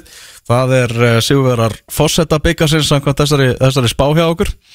Það eru F-fáingar Já, og ég bara held að segja kepla ekki, bara ha, það er ekkert alltaf setja, já, þess að ég- munu ég vinna var fórsettabekkarinn. Já, ef að spáin rættist eh, við erum að henda F-fáingum að það aftur í neðri hlutan aftur í neðra, neðri hlutan eftir tvískiptingu Sass, sass, sass, sass. Elvar, er þetta hægt eða? þetta er FH, sko. Þetta er F-fá en En FH það hefur samt ekkert þegar ekkert gæst ennþá á leikmannamarkanu sem fær mann til að halda það að þeir séu að fara að rífa sig í gang Nei, uh, sögufræði þjálfari sem er að fá tilbaka núna á okkur um tveimur árum. Heimi Guðjónsson, kongurinn snýr heim. Kongur snýr heim, sárin eru gróin, það er allt gróið um heilt. Já. þeir eru afturrótni vinir uh, þvílík kynning, þvílík spenna fyrir honum, það eru hvað, þrjú ár síðan hann vann Íslandsmeistaratitil síðast. Þannig að það er nú ekki, ekki langt síðan. Margir tala um það samt að hann þurfa eitthvað svona aðeins að fara, fara að uppfæra sig. En að hann síðast endur koma gekk ekki vel þeir þurftu að reka mannin sem að uh, í raun og veru má segja, hafði svolítið búið til Heimur Guðjónsson. Mm. uh, hérna, sem, sem þjálfar allan var hann aðstóð þjálfur í hjá honum og tók svo við og held áfram stjartfræðilegum árangri F-fóliðsins en þeir eru búinir að missa uh, Guðm Kristjánsson, Gunnar Nílsen Kristi Frey og Matta Villa. Stóra dóti í þessu er náttúrulega sjálfsögur Kristi Freyr sem átti miklu meir inni og, og Matti Villi Matti Villi, Matti, Matti Villa var uh, átti og náttúrulega líka bara hrikalegu leitóð þessu liði sem að hérna, eh, á eftir að gera held í fína hluti fyrir Viking Aftur á móti búin að fá Dani Hadaka Conlorsis með miðvörð sem er stórt og upp og þeir eru búin að gera já, eina mestu uppfærslu í einni stöðu í deildinni þvert á öll liðin. Ég fá Sindar Kristínu marki Hann er sá leikmaður sem ég er hvað spenntastur að sjá á næsta tímabili. Já, það er það er ekki spurning. Já. það ég bara get eða ekki Komin- beðið eftir að sjá hann Takast á við ný, í- nýja áskorun og nýtt verkefni heyrðum alveg undirtótnin í formanni Keflavík og það, var, það er engin húmor í Keflavík með þetta að hann hafi stokkið þarna frá borði og að hérna, fara í stærri klubb og reyna að prófa sig eitthvað á nýjum vettvangi. En það betur því ekki að við meðum vera ke- mjög spenntur fyrir þessu. Ég skil Sindra virkilega vel. Ég held að bara, þú veist, hann er búin að gefa allt sitt til Keflavíkur, sko. Já. Hann var hent ungum í markið þarna þegar þeir veist, voru svolítið skammar 2018 nær einhvern veginn, þú veist, að halda samt dampið þar kemur þeim upp, heldur þeim uppi og vinnur fórsetabyggarinn hann bara skuldaði þeim ekkert meir að mínu mati, þá þurfa keflinga sig öruglega hjertanlósamálaði Þannig að já, en þú veist, F-fólið er samt hérna, jú, jú, miðvörður og markvörður en það eru svo mörg vandamál sem það þarf að laga og við, eins og staðan er akkurat núna í fyrstu ótíðanbæru spáni 7. janúar, sko daginn eftir uh, 13.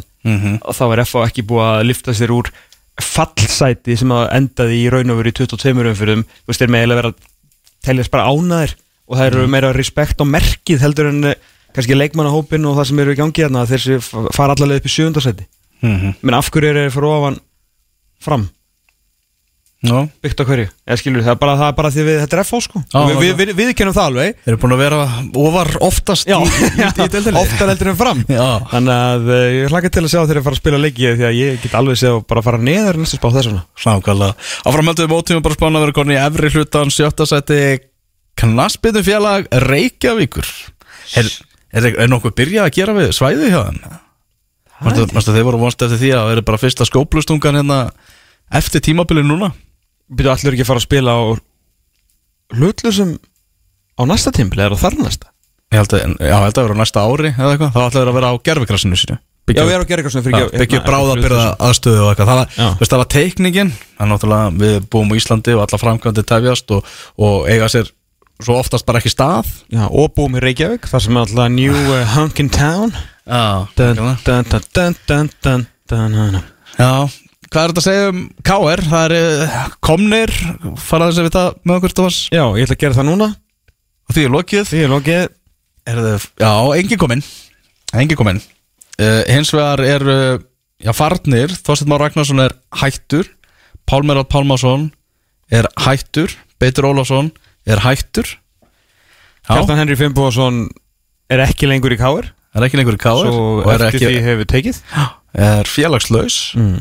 Uh, Arnór Sveitn Aðansteinsson skeiðarinn, hann er komin heim í Kóbóin í breyðablík Já, hann Og Emil Ásmundsson fór heim í fylki er þetta ekki bara rosalega eðlilega spá að setja K.R. einhvern veginn hann að að sigla líklan sjó um miða deilt Ég þeir enduðu 22 leiki fyrra í, í 5. seti Ah. fyrir ofar hérna á markatölu þá menn ég einu marki fyrir ofan stjörnuna og þeir eru ekki búin að fylla neitt í skörðin og mér finnst markvara uppgreitið hérna, að markvara skiptin er ekki góð. Aron er, er alveg töluvert slakari markur heldur en Betur Ólafsson. Eru ekki uppgreitt er, er alls ekki uppgreitt uh, Arnór Naðalstinsson, ég menna besti meðurinn í deildinni að Matti Rúnars Kristinsson, hann er farin Pálmi Rapp, þessi eilifa stó og stittarnir á miðunni náttúrulega Þú erum að fara að treysta náttúrulega meira á þessi yngri leikmenn sem er keftu til þess að reyna yngjubita lið í hérna e, í Sigurði Bjarti og, og, og Ljúpisits og öllum þessum Mm. að þeir þurfa að fara hérna og ég hef eitthvað hert að Stefán Landi Gesson sé svona allan það hafa lið verið eh, hérna að pæla í honum sko Skiljanlega. en ég veit ekki hvort hann sé hann er ekkit samnýslusa neitt að vantilega kaupa hann ah. en þá veit ég ekki hvort að hann hafi verið eitthvað að hugsa til sér reyfings eða neitt en ég ætla hann að heyrta að hann sé svona á, á ratarn okkur að liða, hann, hann Já. geti farið frá káir sko ok uh, hérna þannig að já, ég, þeir þurfa allan að með þess ekkert, ekkert komið í þetta lið og sko Rúna Kristinsson er, er eitt sá besti en hann er ekki hann er ekki kraftaverka maður Nei, ekki, þú veist, ég meina hvað það er ekkert eftir þessu liði, nei. Þannig séð sko. Mm þannig að þetta er, jú, ég held að þetta sé mjög, mjög Það er sko. ekkert, ekkert sem segja manni það að, að K.R. sé að fara að gera sér allavega eitthvað gildandi þarna fyrir ofan þetta? Nei, þessa baróttu þungt yfir þessum að tala við káering í dag og þú veist, þeir eru bara þú veist, pirraðir, umræðin eru öll neikvæð hvort sem að sé þetta kjartan Henry mál þú veist,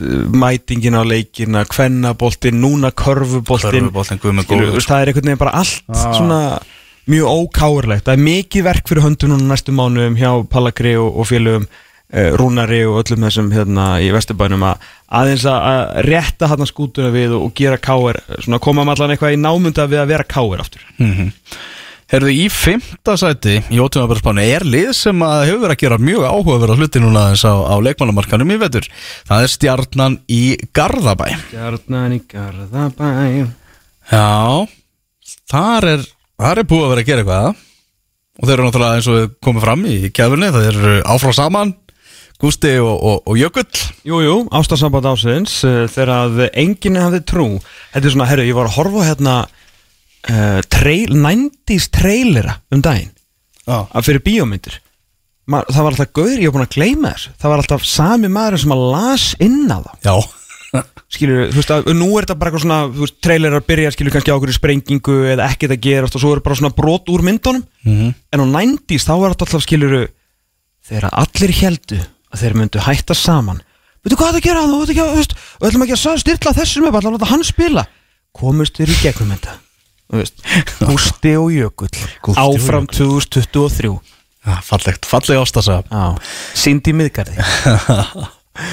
Heyrðu, Í Garðabæn Ennika menninga heiðar elskar peninga sungu, sung, sungu þeir í silfuskeiðinni Hann er kominn inn Já, ég vil að þeir fyrsta leik að þeir syngi það aftur. Já. bara einu sinni, reynsa loftið áfranga, Heyrðu, Joey Gibbs er kominn frá, frá það Keflæk finnst mér spennandi með hvernig fótboltastjarnar spilar. Heyrðu, Joey Gibbs er kominn og Emil Atlasson kominn úr meðslum mm, Já, vonandi. Vorandi Já, Eh, Svo bara þvílitt leiðilegt þegar hann mittist í fyrra var búin að vera alveg gjössanlega frábær. Hans besta tífambil bara í efstu deild. Já, og hann náttúrulega jafn góður og þegar hann var með undir þetta á einsvarslandsliðinu og skoraði hverjuleik hérna um árið sko. Mhm, gekk ekki gegnum endur nýjum lífdaga. Mm, Gummi Kristjánsson frá FH í, í vörnina og hérna Það voru óvænt. Það var óvænt sæn samt ekki, hann var búið að tala um það í nokkra vikur. Já, og Andri Adolfsson frá Val. Já ef að Andri Adolfsson mm. kemst af stað af einhverjum alvöru krafti. Því að hann hefur náttúrulega verið að glíma við eh, mikil eftirköst eftir, hérna, eftir höfuhögg sem er náttúrulega eitthvað það erfiðasta uh, sem að þú getur lendi í þessum nútíma íþróttum. Að þá er þetta alveg afskaplega spennandi sæn. Það er ekki eins og þeir hafi verið eitthvað sko ömulegir á, síðustu leiktíð þvert á móti, þeir náðu að koma sér upp í efri hlutan og bara stóðu sig, stóðu sig fanta vel, áttu náttúrulega þess að frábæru byrjun, svo kom aðeins svona smá öldudalur og áfram, e, ungustrákarnir verða, verða bara betri. Hérna, þú veist, Jökul kemst betur inn í þetta, þeir halda einhvern veginn áfram svo lengi sem að það springi ekki upp á því, svo veit maður ekkert sko, þú veist, hafa þeir eitthvað tjáð sig alvöru um þetta? Og munuðu nokkuð til að gera það? Nei. hvað var í gangi ef eitthvað Að því aftur, þú veist það sem er reykur það er eldur og það var nú heldur betur talað um það að þetta væri bara algjörlega búið. Kvíslararnir. Kvíslararnir. En svo veit maður ekki, þú skilur, tók Totti á bara ná skrifstofu og bara, hérna, eins og bara tvo unga stráka, bara svona stráka á pólamótinu og leta bara takast í hendur og, þú veist, að því hann hefur trúað, með eitthvað voru að gera rétt. Mm Mhm. stjarnan gerir fullt af fínum hlutum, líka alveg fullt af slæmum hlutum. Það var mjög rokkandi hjá þeim. Þetta var mjög rokkandi. Fóri í gegnum mjög svona neikvæða kapla Í bland við, við jákvæða sko. Já, algjörlega, mistur náttúrulega líka bara besta leikmanni sem mjög snemma uh, út í aðdurum sko, munaði mikið um það, við sjáum það bara Chelsea getur ekki skora fótboltamarki í ennsku úrvarslutinni á þess að vera með Rhys James. Já. og sama, ég veist, eitt besti leikmanni í heimi sömulegis er allan að framávið er Trent Alexander-Arnold, þetta var, veist, í gamla dag var þetta sko, svo feiti í markið og lélæsti fótboltamarinn í hæri bakurinn nú eru bara Alisson og, og Trent og Rhys James og allir bara segja, hérna, hold my beer mm og þetta er bara nýju mikilvægstu stöðunar á vellinu Ég er mjög spenntur að fylgjast með stjórnuna Prísisson sko. Já, mjög, sko. Og svo náttúrulega nýja, nýja stóra sæni hjá þeim Innan gæsalappa Endur koma Hilmas Átna Já, Halldórsson vá, hann er alltaf að koma aftur. Heldur betur, hann var ekkert með í fyrra. Breiðholts Messi. Breiðals Messi er mættur aftur sko. Byrjuðu þeir eru að fara að stilla upp í veist, ef að Andri Adolfsson eh, hérna Hilmar Átni, dettur hann inn Joey Gibbs, eða Emil sem kemur kannski þá meira inn í loftkostum sem, sem varamæður framan af Við þurfum að fara að koma okkur bara hérna í- allir þessir ungu strákar Já, Við þurfum að fylgjast með þessu liði á, á. Húi Það er nokkuð ljóst Herðu, 7. janúar og ég held að garbaðingar sem fæði hans að kitli tætnar Já, ég hlakka til að sjá það hérna í, á undirbúningstímabilinu. Í femta sæti, það eru, eru stjórnumenn K.A. er í fjóruða sæti í ótímabæru spánu, fyrstu ótímabæru spánu við erum kominir Norður og Akureyri, Hallgrimur Jónasson þeir eru Evrópu K.A. frábært tímabil hjá þeim í fyrra. Verða í Evrópu kefni núna í, í sumar. Já, rétt bara þettinum við Boris Bref hérna, þegar alltaf verið að tala um hérna, höfuðhöngi því andra, en alltaf gleymis kannski í umræðinni uh, velvildamenn hans vildu benda á að hann alltaf líka komið tilbaka eftir það er alltaf Já. líka það Já, já. þannig að hérna sömur, og Hilmar áttin sleit líka Mhm. já, hann verið líka svolítið fróð að sjá hvernig þeir koma tilbaka eftir, eftir þetta Mhm. uh, já, og þokkum hér með uh, um leið brefaskrifurinn og alltaf þetta er opinn allan þáttinn heldur betur alltaf gaman þegar þáttur fæ bref Já, K.A. hvernig lítur komni farnilistin út hjá, hjá Akureyringum Herruðu, farnir eru Brian Van de Bogert, eh, Gaber Dobrolic uh, Hallgrimur Jónasson sem, að, sem var nú ekkert að spila heldur þjálfaði þarna meira helmingina því Arnar var í banni hann var sannlega ekki farinn, hann verður meira. Já, við erum ennþá meira bara ekki inn á vellinum Já. og uh, nokkuð þeir Þórisson auðvitað sem fór á uh, svona semi-miðri leiktið til uh, Bjór og Skot í Belgíu Uh, vissum svo sem að hann væri farin, það er ekki ný tíðindi en komnir eru Birgir Baldunsson í uh, vinstri bakurinn sem voru að lána frá lega kom bara heim og var umræðið um að hann myndi fara í val en hann snýri bara aftur til Káa en það búin að já, spila sér svo sannarlega inn í efri hluta deildarinnar með framistöðu sinni hjá, hjá leikni og Harald Ley Villard komið frá Þór Mm. sá uh, öflugi breski leikmaður Mm. en að ekki eitthvað svona mikið gest við vissum alveg þeir kláruðu tímubili með stæl ánökva Hallgrimur var ekkit engin hérna hérna, engin katalisti inn á vellinum, var bara að gera frábæra hluti sem þjálfari, þannig að þetta er svona svolítið svona bara á pari, kannski svona aðeins betra, Mm. skilur þú veist Birgir Baldins bara að fá káamenn hérna hjart, með mann með hjarta í liðið og, og Halli vil alltaf eftir að, eftir að nýtast þeim örgla í breytina sko. Já, við erum að spáða um fjórðasætti, en gleymum því ekki að það eru fjögurlið frá Íslandi sem að tryggja sér fjórða, það er alltaf með fjórðasetti ár sko. Fjórða Evrópusættið er komið. Það er komið heim. Já, fjórðasættið gæti verið Evrópusætti ef að byggarinn fer í top 3 Já. byggarmeistara titillin sem er mjög, náttúrulega mjög líka Mjög líklegt, það sem að ef það er eitthvað sem við vitum í þessu lífið þá er að byggar hefur spilaður og vikingu vinnur hann. Já, mitt svona með við síðust ára allavega. Uh, sko, þetta er náttúrulega bara þú veist, Hallgrimur er farin menna af hverju eru að spáða þeim fyrir neðan? Uh, hérna hinn þrjúliðin, kannski kemur meira ljósa, ljósa á eftir. Þetta var búið að vera svona lengi í uppbyggingu að þeir myndu ná þessum, ná þessu fína árangri en við þurfum að, að hafa það til huga að lið sem að standa sig vel og eru svona skiluru vel uppið lið þurfa samt alltaf ykkur að töfra og það verður anskotanum erfiðara fyrir knaspinu félag Akureyrar að ná þessum árangri án 17, hvað skoraði nökku endanum? 17 mörg Já, eitthvað þannig. Bara þú veist topp, bara besti leikmaður deildarinnar, ég veit að þú veist tala um Dag og tala um Ísak uh, Kristall framan af, en þú veist þetta er players, þú veist þetta er the MVP þetta er players, player of the year. Þannig að þú veist hann er farin og hann var ekki players, player of the year af því að hann var að standa sig vel í vörninu að tækla, af því að hann skoraði öll helvitis mörkin sko. Þannig að þetta, verður erfitt að finna hérna, lausn á þessu og sömulegis með ungan þjálfara sem ég veit er búin að þjálfa nokkra leiki í þessari deild en nú er hann að taka við þessu sjálfur og Hallgrimur Jónasson er ekki Arne Gretarsson og svo eftir að vita er það gott eða það slæmt mm En allavega, káamenn bara á flottum stað. Já, þér á frábærum stað sem félag. Já, flottum málum. Já, ég var spáð nýjundasæti í fréttablaðinu sko fyrir síðasta reytið þannig að komni langt. Já, þetta fréttarblæði bara hægt að koma út sko. Er- Í þriðasætti eru, eru valsmenn.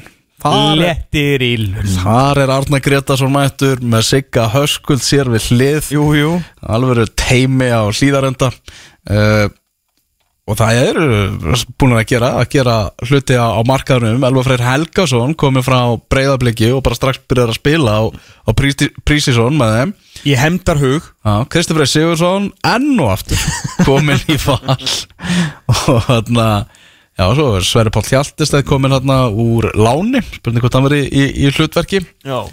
Erum við búin að vera að taka til í leikmannahópnum? Andri Adolfsson farin í stjörtuna Arnór Smárasson eh, heim á Skaga Ágúst Eðvald í Breiðablík Heiðar Ægjesson í stjörtuna Jesper Júlskjart uh, án liðis Jens Lassi Petri er hættur Rasmus Kristjansen er, er farin sumri Er hann bara án liðis? Já, Rasmus Kristjansen er, er án félags Akkur er enginn búin að pikka upp Rasmus Kristjansen? Ég held að það eru félug potið búin að reyna það Já. Ég held að Rasmus sé bara aðeins að horfa út og sjá hvernig snjórin er og, og aðeins að býða með að taka áhverjum Já, vera bara aðeins heima og borða fisk sem að Elisa eldar og eitthvað svona, ég skilja mjög vel Og Sebastian Hellund færi líka, hann er búið að taka verulega til hann En uh, liðið sem geta sett út á völlin Það er uh, ansi uh, impressíft. Ef, samt, Elva Geir mm. Ef að Arna Gretarsson Kveikir smá nesta undir suma þessum leikmönnum. Já, Tryggvir Hafn Haraldsson, Galdri Og svona kannski þeir helstu. Já. Þeir þurfa að vera oftar on.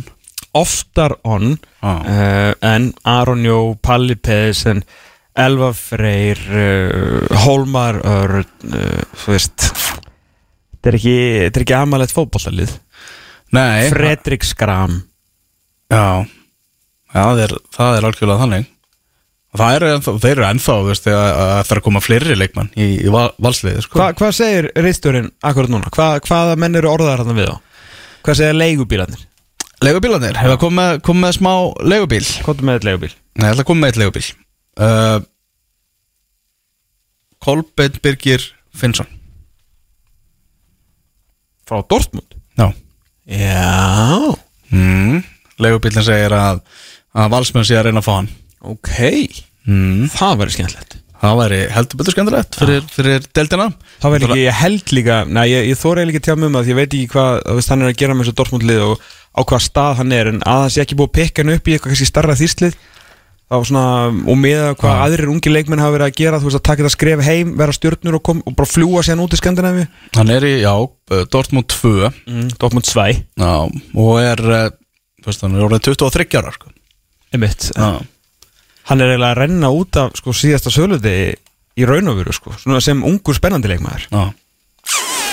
Já Það er allan að klalla að myndi leta deildin okkar uh, ljósum litum Já, já, það er alveg, alveg bókamál og það er allavega, það er eins og menn vita, það er nót til hjá val og, og valsmenn hafa ekki túmar fyrir því að vera aftur í einhverju þróti það er svolítið búið að vera svona þrót, gott, þrót gott, Eigum við að taka uh, executive decision á þetta bara akkur núna á Svissa söguleg tíðin þegar Svissa bara á val og káa Ég næ ekki alveg hverju erum að spá val. Ég skildi þetta þegar við vorum að setja saman en núna bara þegar ég fyrir að tala um þetta þá er ég svona af hverju? Þetta er geggjaður leikmannahópur sem valur er með. Já, en þeir eru búin að missa sann svo mikið. Og af hverju ættu að hafa ykkur mega trú á öllum þessum, ég er bara svona að pæla. En þú mátt alveg verja hitt sko, ég, Þetta, já, ég bara, þú veist það voru allir einhvern veginn að spila svo langt undir getu, þetta er bilað góður leikmannahópur, sko, af því sögðu eh, finnst mér káalið ótrúlega flott lið, Mhm. en ég, ég seg, nei, ég segi valur um þrjú. Ok, höldum við val, höldum við val. En við getum tekið góðan fund með góðum drikkjum og rætt fyrir næstu bara spá. Hvernig, hvernig Ok. staðan er. Þá getum, þá getum við sett upp líklega byrjunalið ok. Og þá er líka verið vantilega búið að kaupa fleiri leikmenn og svona. Já, og kannski ég ég vera jafnvel búin að spila nokkar leiki. Já. Það kemur ekki óvart hvað tvölið eru hann efst. Það eru þeir, tveir, klúpar sem hafa núna síðustu ár verið bara að tróna á toppnum í íslenskum fótbolta. Það eru breyðablík og, og vikingur mm. Víkingur er í öðru sæti í þessari ótímabæra spá hjá okkur. Já, bara eins og staðan er akkurat núna bara næst besta liðið áfram. Uh, og horfum bara á leikmannahópin og, og hvað þau hérna, munin á þessum tömulegum á, á síðustu leiktíð þegar kom sérstaklega að stigum í lók tíðanbils Adam Æði Pálsson komin heim uh, náttúrulega ekki að vera hérna, hann er að fara inn á síðasta ára samningnum sínum og, og uh, Talaði með Káa vil ég fá hann? Já, og það er eitthvað svona lið að gera hósuna grænar. F.O. er líka gríðarlega spennt fyrir að fá hann. En þá þarf að, að kaupa hann. Náttúrulega vantilega vikinga þurfa aðeins að pæla í kaufverinu eða annarkvort hérna, selja hann núna fyrir einhverja miljónir eða missa hann frýtt hérna, í sumar eða, nei, hérna fyrir ennþá minna á miðjusumri eða ekkert næsta vetur. Mhm. og bara spurning hvað, hérna, hvað ákvörun vikingandi taka með þetta. Uh, og svo náttúrulega Matti Villa kom inn til þess að leiða línuna, fá aðeins meiri svona meiri brot. Já, og Arna Gullarsson náttúrulega búin að stúdera hann algjörlega í drast. Mm. Allt sem Matti Villa var að gera og hvað hann geti gert betur á, á síðast tímanbili og með að hvað það er tala þá á bara bísma við því að Matti Villa verður bara stórkostlegur næsta sumar með vikingum Já, það hefur líka verið fróld að sjá hvað hann spila mikið því að það, sko, kannski gleymist aðeins og gleymdist aðeins á síðast ári að, sko, pund fyrir pund besta nýjan í þessari deild var náttúrulega, já, ok besta nýjan 2021 skulum orðaða Já. þannig. Uh, Nikolai Hansen var náttúrulega mjög mikið meittur uh, og þú veistu að því að fór í því, sko, við vorum að tala um, eh, hérna þessar markaskorra sem átt að vera þú veist, hérna, með andarúnar, þú veist, með gumma magg og svo var annar hérna sem ég ætla, ætla að taka uh, til, það var svona að ég var að pæla spuru það var Patrik Pedersen eða eitthvað.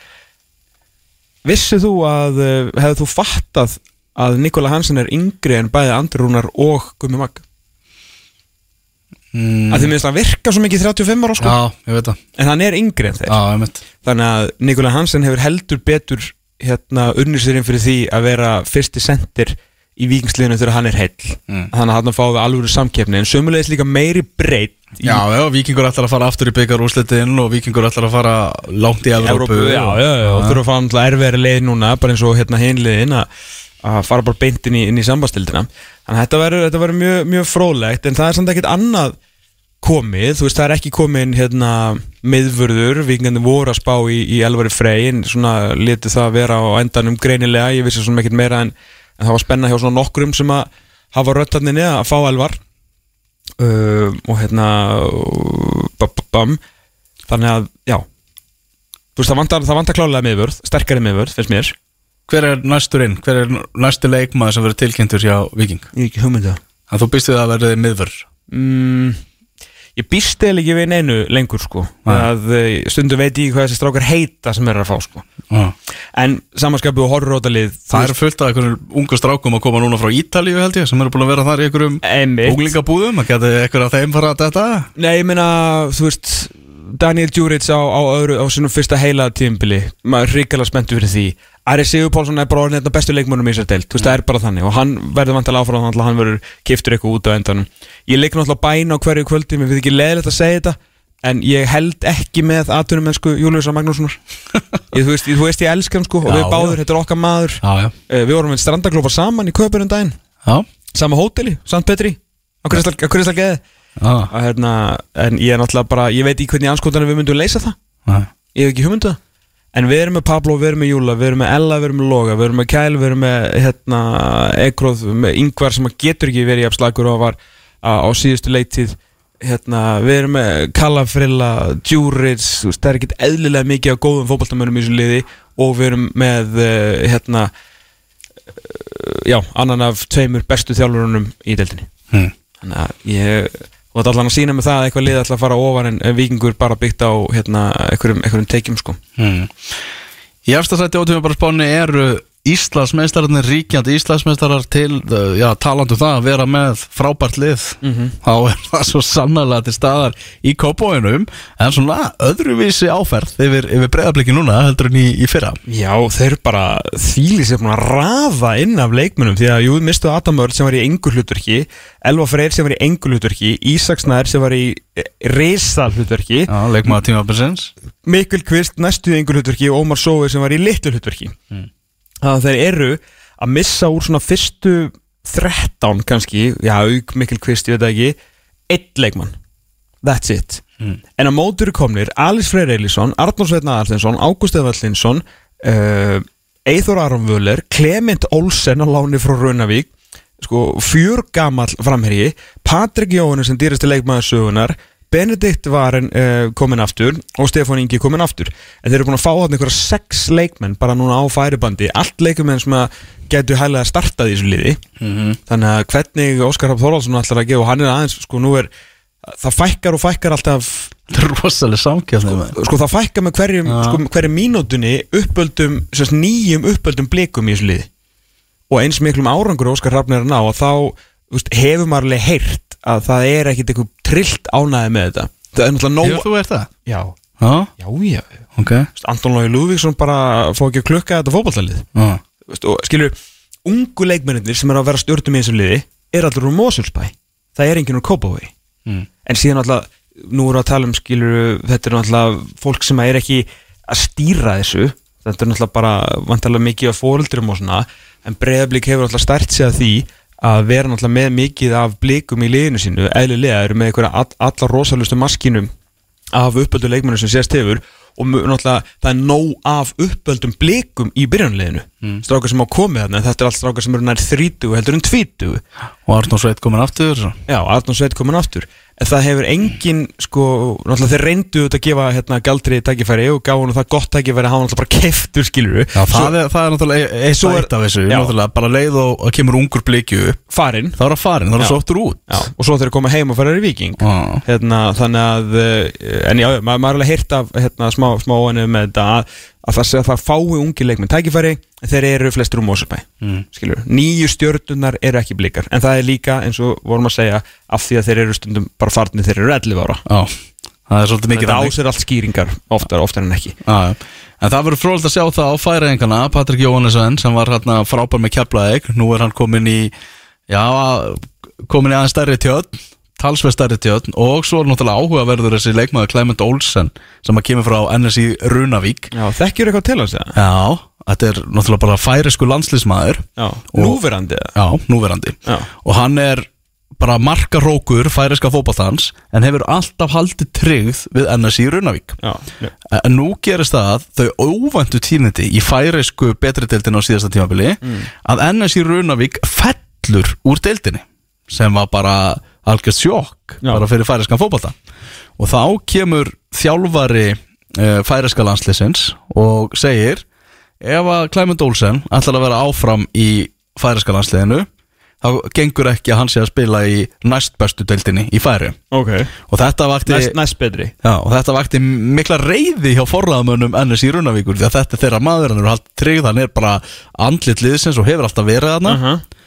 en lausnin var, var, var þá að lána núna og meðan alltaf NS í Runavík að vinna sig aftur upp þannig að Clement Olsen getur bara farið aftur, í, aftur heim að- Hvernig berst þetta til eirna breyðabliks og af hverju var hann ekki lánaða bara í hábí?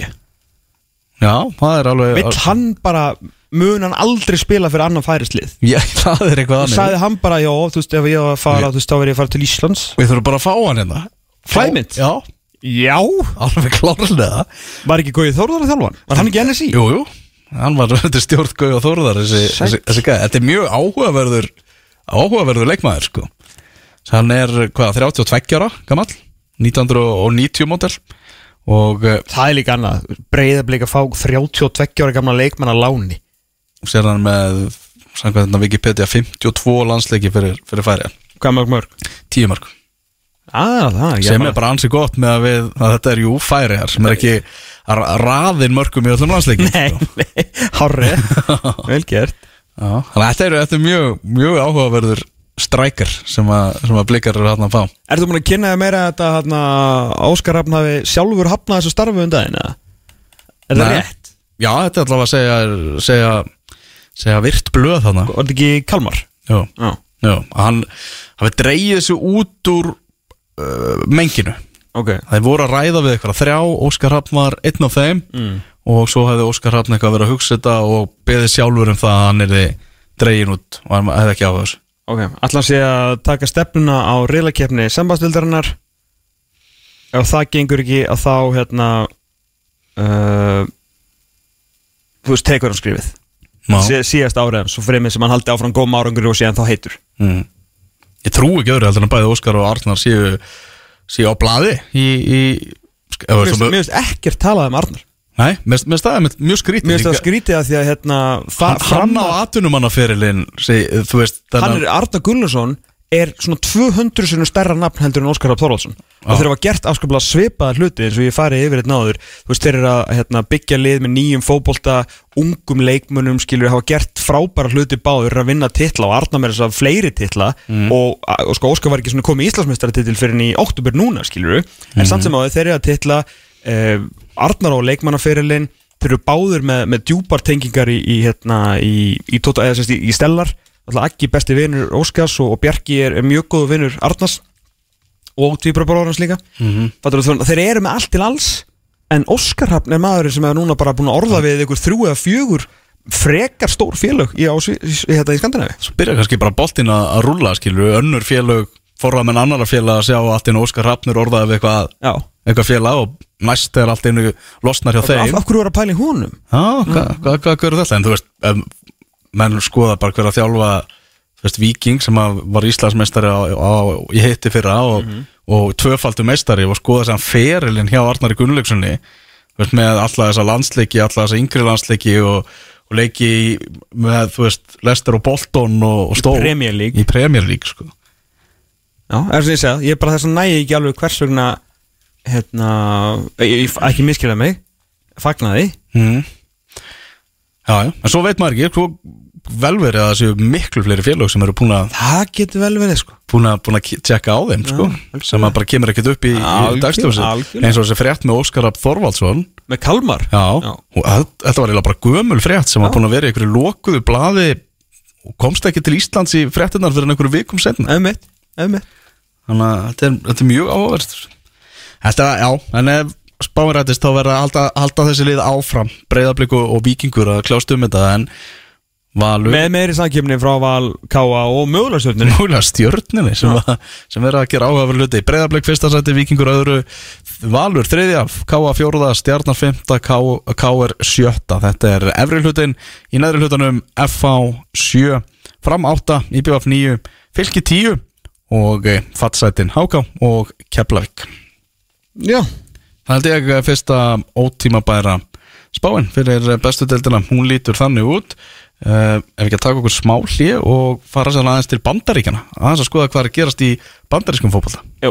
Þú ert að hlusta á fótbolti.net á exinu 977 Já, framheldur útastættur í fókbalti.net Það er bara að berast bref var að umræða okkar um arfin sem að breyðarblik fekk Já. Að uh, það er vist alveg skýrt að þetta fer ekki leikmannakaup eða laun fyrir, fyrir mestaraflokka Þetta er, þetta er til að bæta bara umgjörðina greinilega og, uh, og græsrótina Já, félagunum þessi, þessi peningur, þessi 200, þessi 200 miljónir sem að koma úr arfinu Ok, ekki laun. Nei, ekki, ekki laun eða leikmannakaup. Laun almennt eða bara laun leikmanna? Er Laun, seg, eh, segja þeir blikanir sko. Ok, ok. Það getur náttúrulega skilur notað til að borga þú veist, uh, GPS-tækin eða eitthvað og þannig losa peningi leikmannaköp Það er að fara margar leiðir að einu sko. Já, ég menna að þeir eyður þessum pening. Já, það er alveg klart Þeir eru ekki að fara að setja þetta bara inn á banka. Ég væri nú. mest til að sjá hérna, formann uh, kvennaráðsins og kallaráðsins fara með þetta til Monaco allt á raut annarkvort verða þau hérna, Alltaf svart. Alltaf svar, nei, Ah. alltaf, alltaf raut Eh, raut eða svart, þau með að velja. Og veist, annarkvort skilur verða þau hérna, stingaðu af í þessum, bara í þessum leik hérna heima. Ah. eða þau verða bara á sama stað og voru árið fengu 200 miljónar sem voru á fínu stað sko. Það er aldrei verið það. Það er aldrei verið það. Bara Íslandsmeistarar og, og rössir. Heyrðu það hann nötrar allt í, í bandarískum fótbolta. Í bandarískum sokkar Og við köllum það fótbolta hérna núna. Það er Greg Berhalter landslistjálfari bandaríkjana Sem að Já, beinast spjóta að honum Og það frá reyna fjölskyldunni. Mm. Það vakti aðtikli á HM Að Giovanni Reyna var bara í engul hlutverki hjá bandaríkunum kom inn á hátna í einhverjum einum leik uh, þegar allt var að fara í skrúuna hjá þeim. En síðan var maður einmitt að hugsa þetta er leikmaður, þetta er 20 strákur sem er hjá Borussia Dortmund, er eitt stærsta nafni í bandarískan landsliðin og hann er ekkert að spila. Hver er ástæðan fyrir þessu? sérstaklega því að bandaríkinn gætu alltaf keft sér fótballtamarka á mótinu og hann sem sagt er skapari fótballtamarka Nákvæmlega. Svo kemur, uh, er einhver ráðstefna þannig eftir þetta? Og það er ekki ekki ber alltaf er svona að gefa innsýn inn í uh, hvernig var að vera á HM og segja frá því að hann hafi verið hásbreytt frá því að senda eitt leikmann heim. Hann hefði bara ætlað að senda heim. Hann hafi tilkynnt honum það, hann yrði í svona minna hlutverki eða einhverju varaskefur hlutverki. Hann hefði brugðist illa við því verið með attitút vandamál og, og bara vesen og æfingum og, og allt það mm nafngreindi leikmannin ekki en svo spist þetta náttúrulega bara út og fjölmjölar eru fljótir að komast að því að þetta er náttúrulega Giovanni Reina sem að var í litlu sem engur hlutverki þarna. Giovanni Reina strákurinn, hann fer á Instagram og segir að, að honum finnst mjög leiðilegt að það sé verið að tala um sig í þessu samhengi og að þjálfarinn sé að opinbera eitthvað svona sem að hann held að ætti bara að vera innan hópsins viður kennir það, hann hafi verið með attitút vandamál en það hefur verið leist, hann hefur byggðist afsökunar verið meðvitaður um þetta og þetta ætti allt saman að vera bara glimt og, og grafið. Mm þetta fór illa í reyna fjölskylduna og ekki síst móður hans. Og þetta er náttúrulega svo mikið glæstarvonir, boltandi beautiful drama að það er engu lagi líkt. Nei. Hún tilkynir hana yfirmanni íþróttamála hjá bandaríska sambandinu bara formlega að Greg Berhaldir hafi árið 1991 þegar hann var táningur sparkað í konuna sína, núverandi. Já, Já, þannig að voru þau fyrir utan einhvern bar, lendu í rifrildi, hann sparkaði í hana uh, það var uh, já, ekki, ekki vinsanlegt á millera í eitthvað tíma en svo fyrirgaf hún honum þau giftu sig eignuðust börn eru búin að vera saman í 25 ár. Mm -hmm. eða silfurbrúköps amali hvorki meira enn minna. Hvorki meirinni minna. Þannig að þetta atvik hefur aldrei komið upp á yfirborðið en fjölskylduna tvær þekkjast. Við erum að tala um það að Berhaldir, landslýstjálfari og pappi Giovanni Reina Claudio Reina voru saman í bandaríska landsliðinu og mömmunar voru saman í bandaríska kvennalandsliðinu. Já, bara háskólavinni líka Þau eru búin að vera bestu vinnir í þrjá, rúm 30 ár. Já, þannig að þetta hefur greinilega hún hefur vitað þetta mamma Gio, Giovanni Reina í gegnum eitthvað trúnaðarsamtal vantalega við, við hana. Já, og örgulega upplifað eins og hún segir frá svona upplifað vantarlega slæma kaplan í, í þeirra sambandi þar að segja. Berhaldir, uh, herra og frú Berhaldir. Uh, hérna, þegar þau voru greinilega ekki á, ekki á góðum stað sem ungt fólk. Og bandaríska fótballtarsafandi bregst við með því að setja eiginlega bara berhaldir svolítið í kælingu setja málið í rannsókn innan sambandsins. Þetta mál sem gerist 1991 lungu áður en að berhaldir er ráðinn landslýstjálfari, ég hef ekki mikið álit á, eða, eða trú á berhaldir sem fótballtaþjálfara Nei.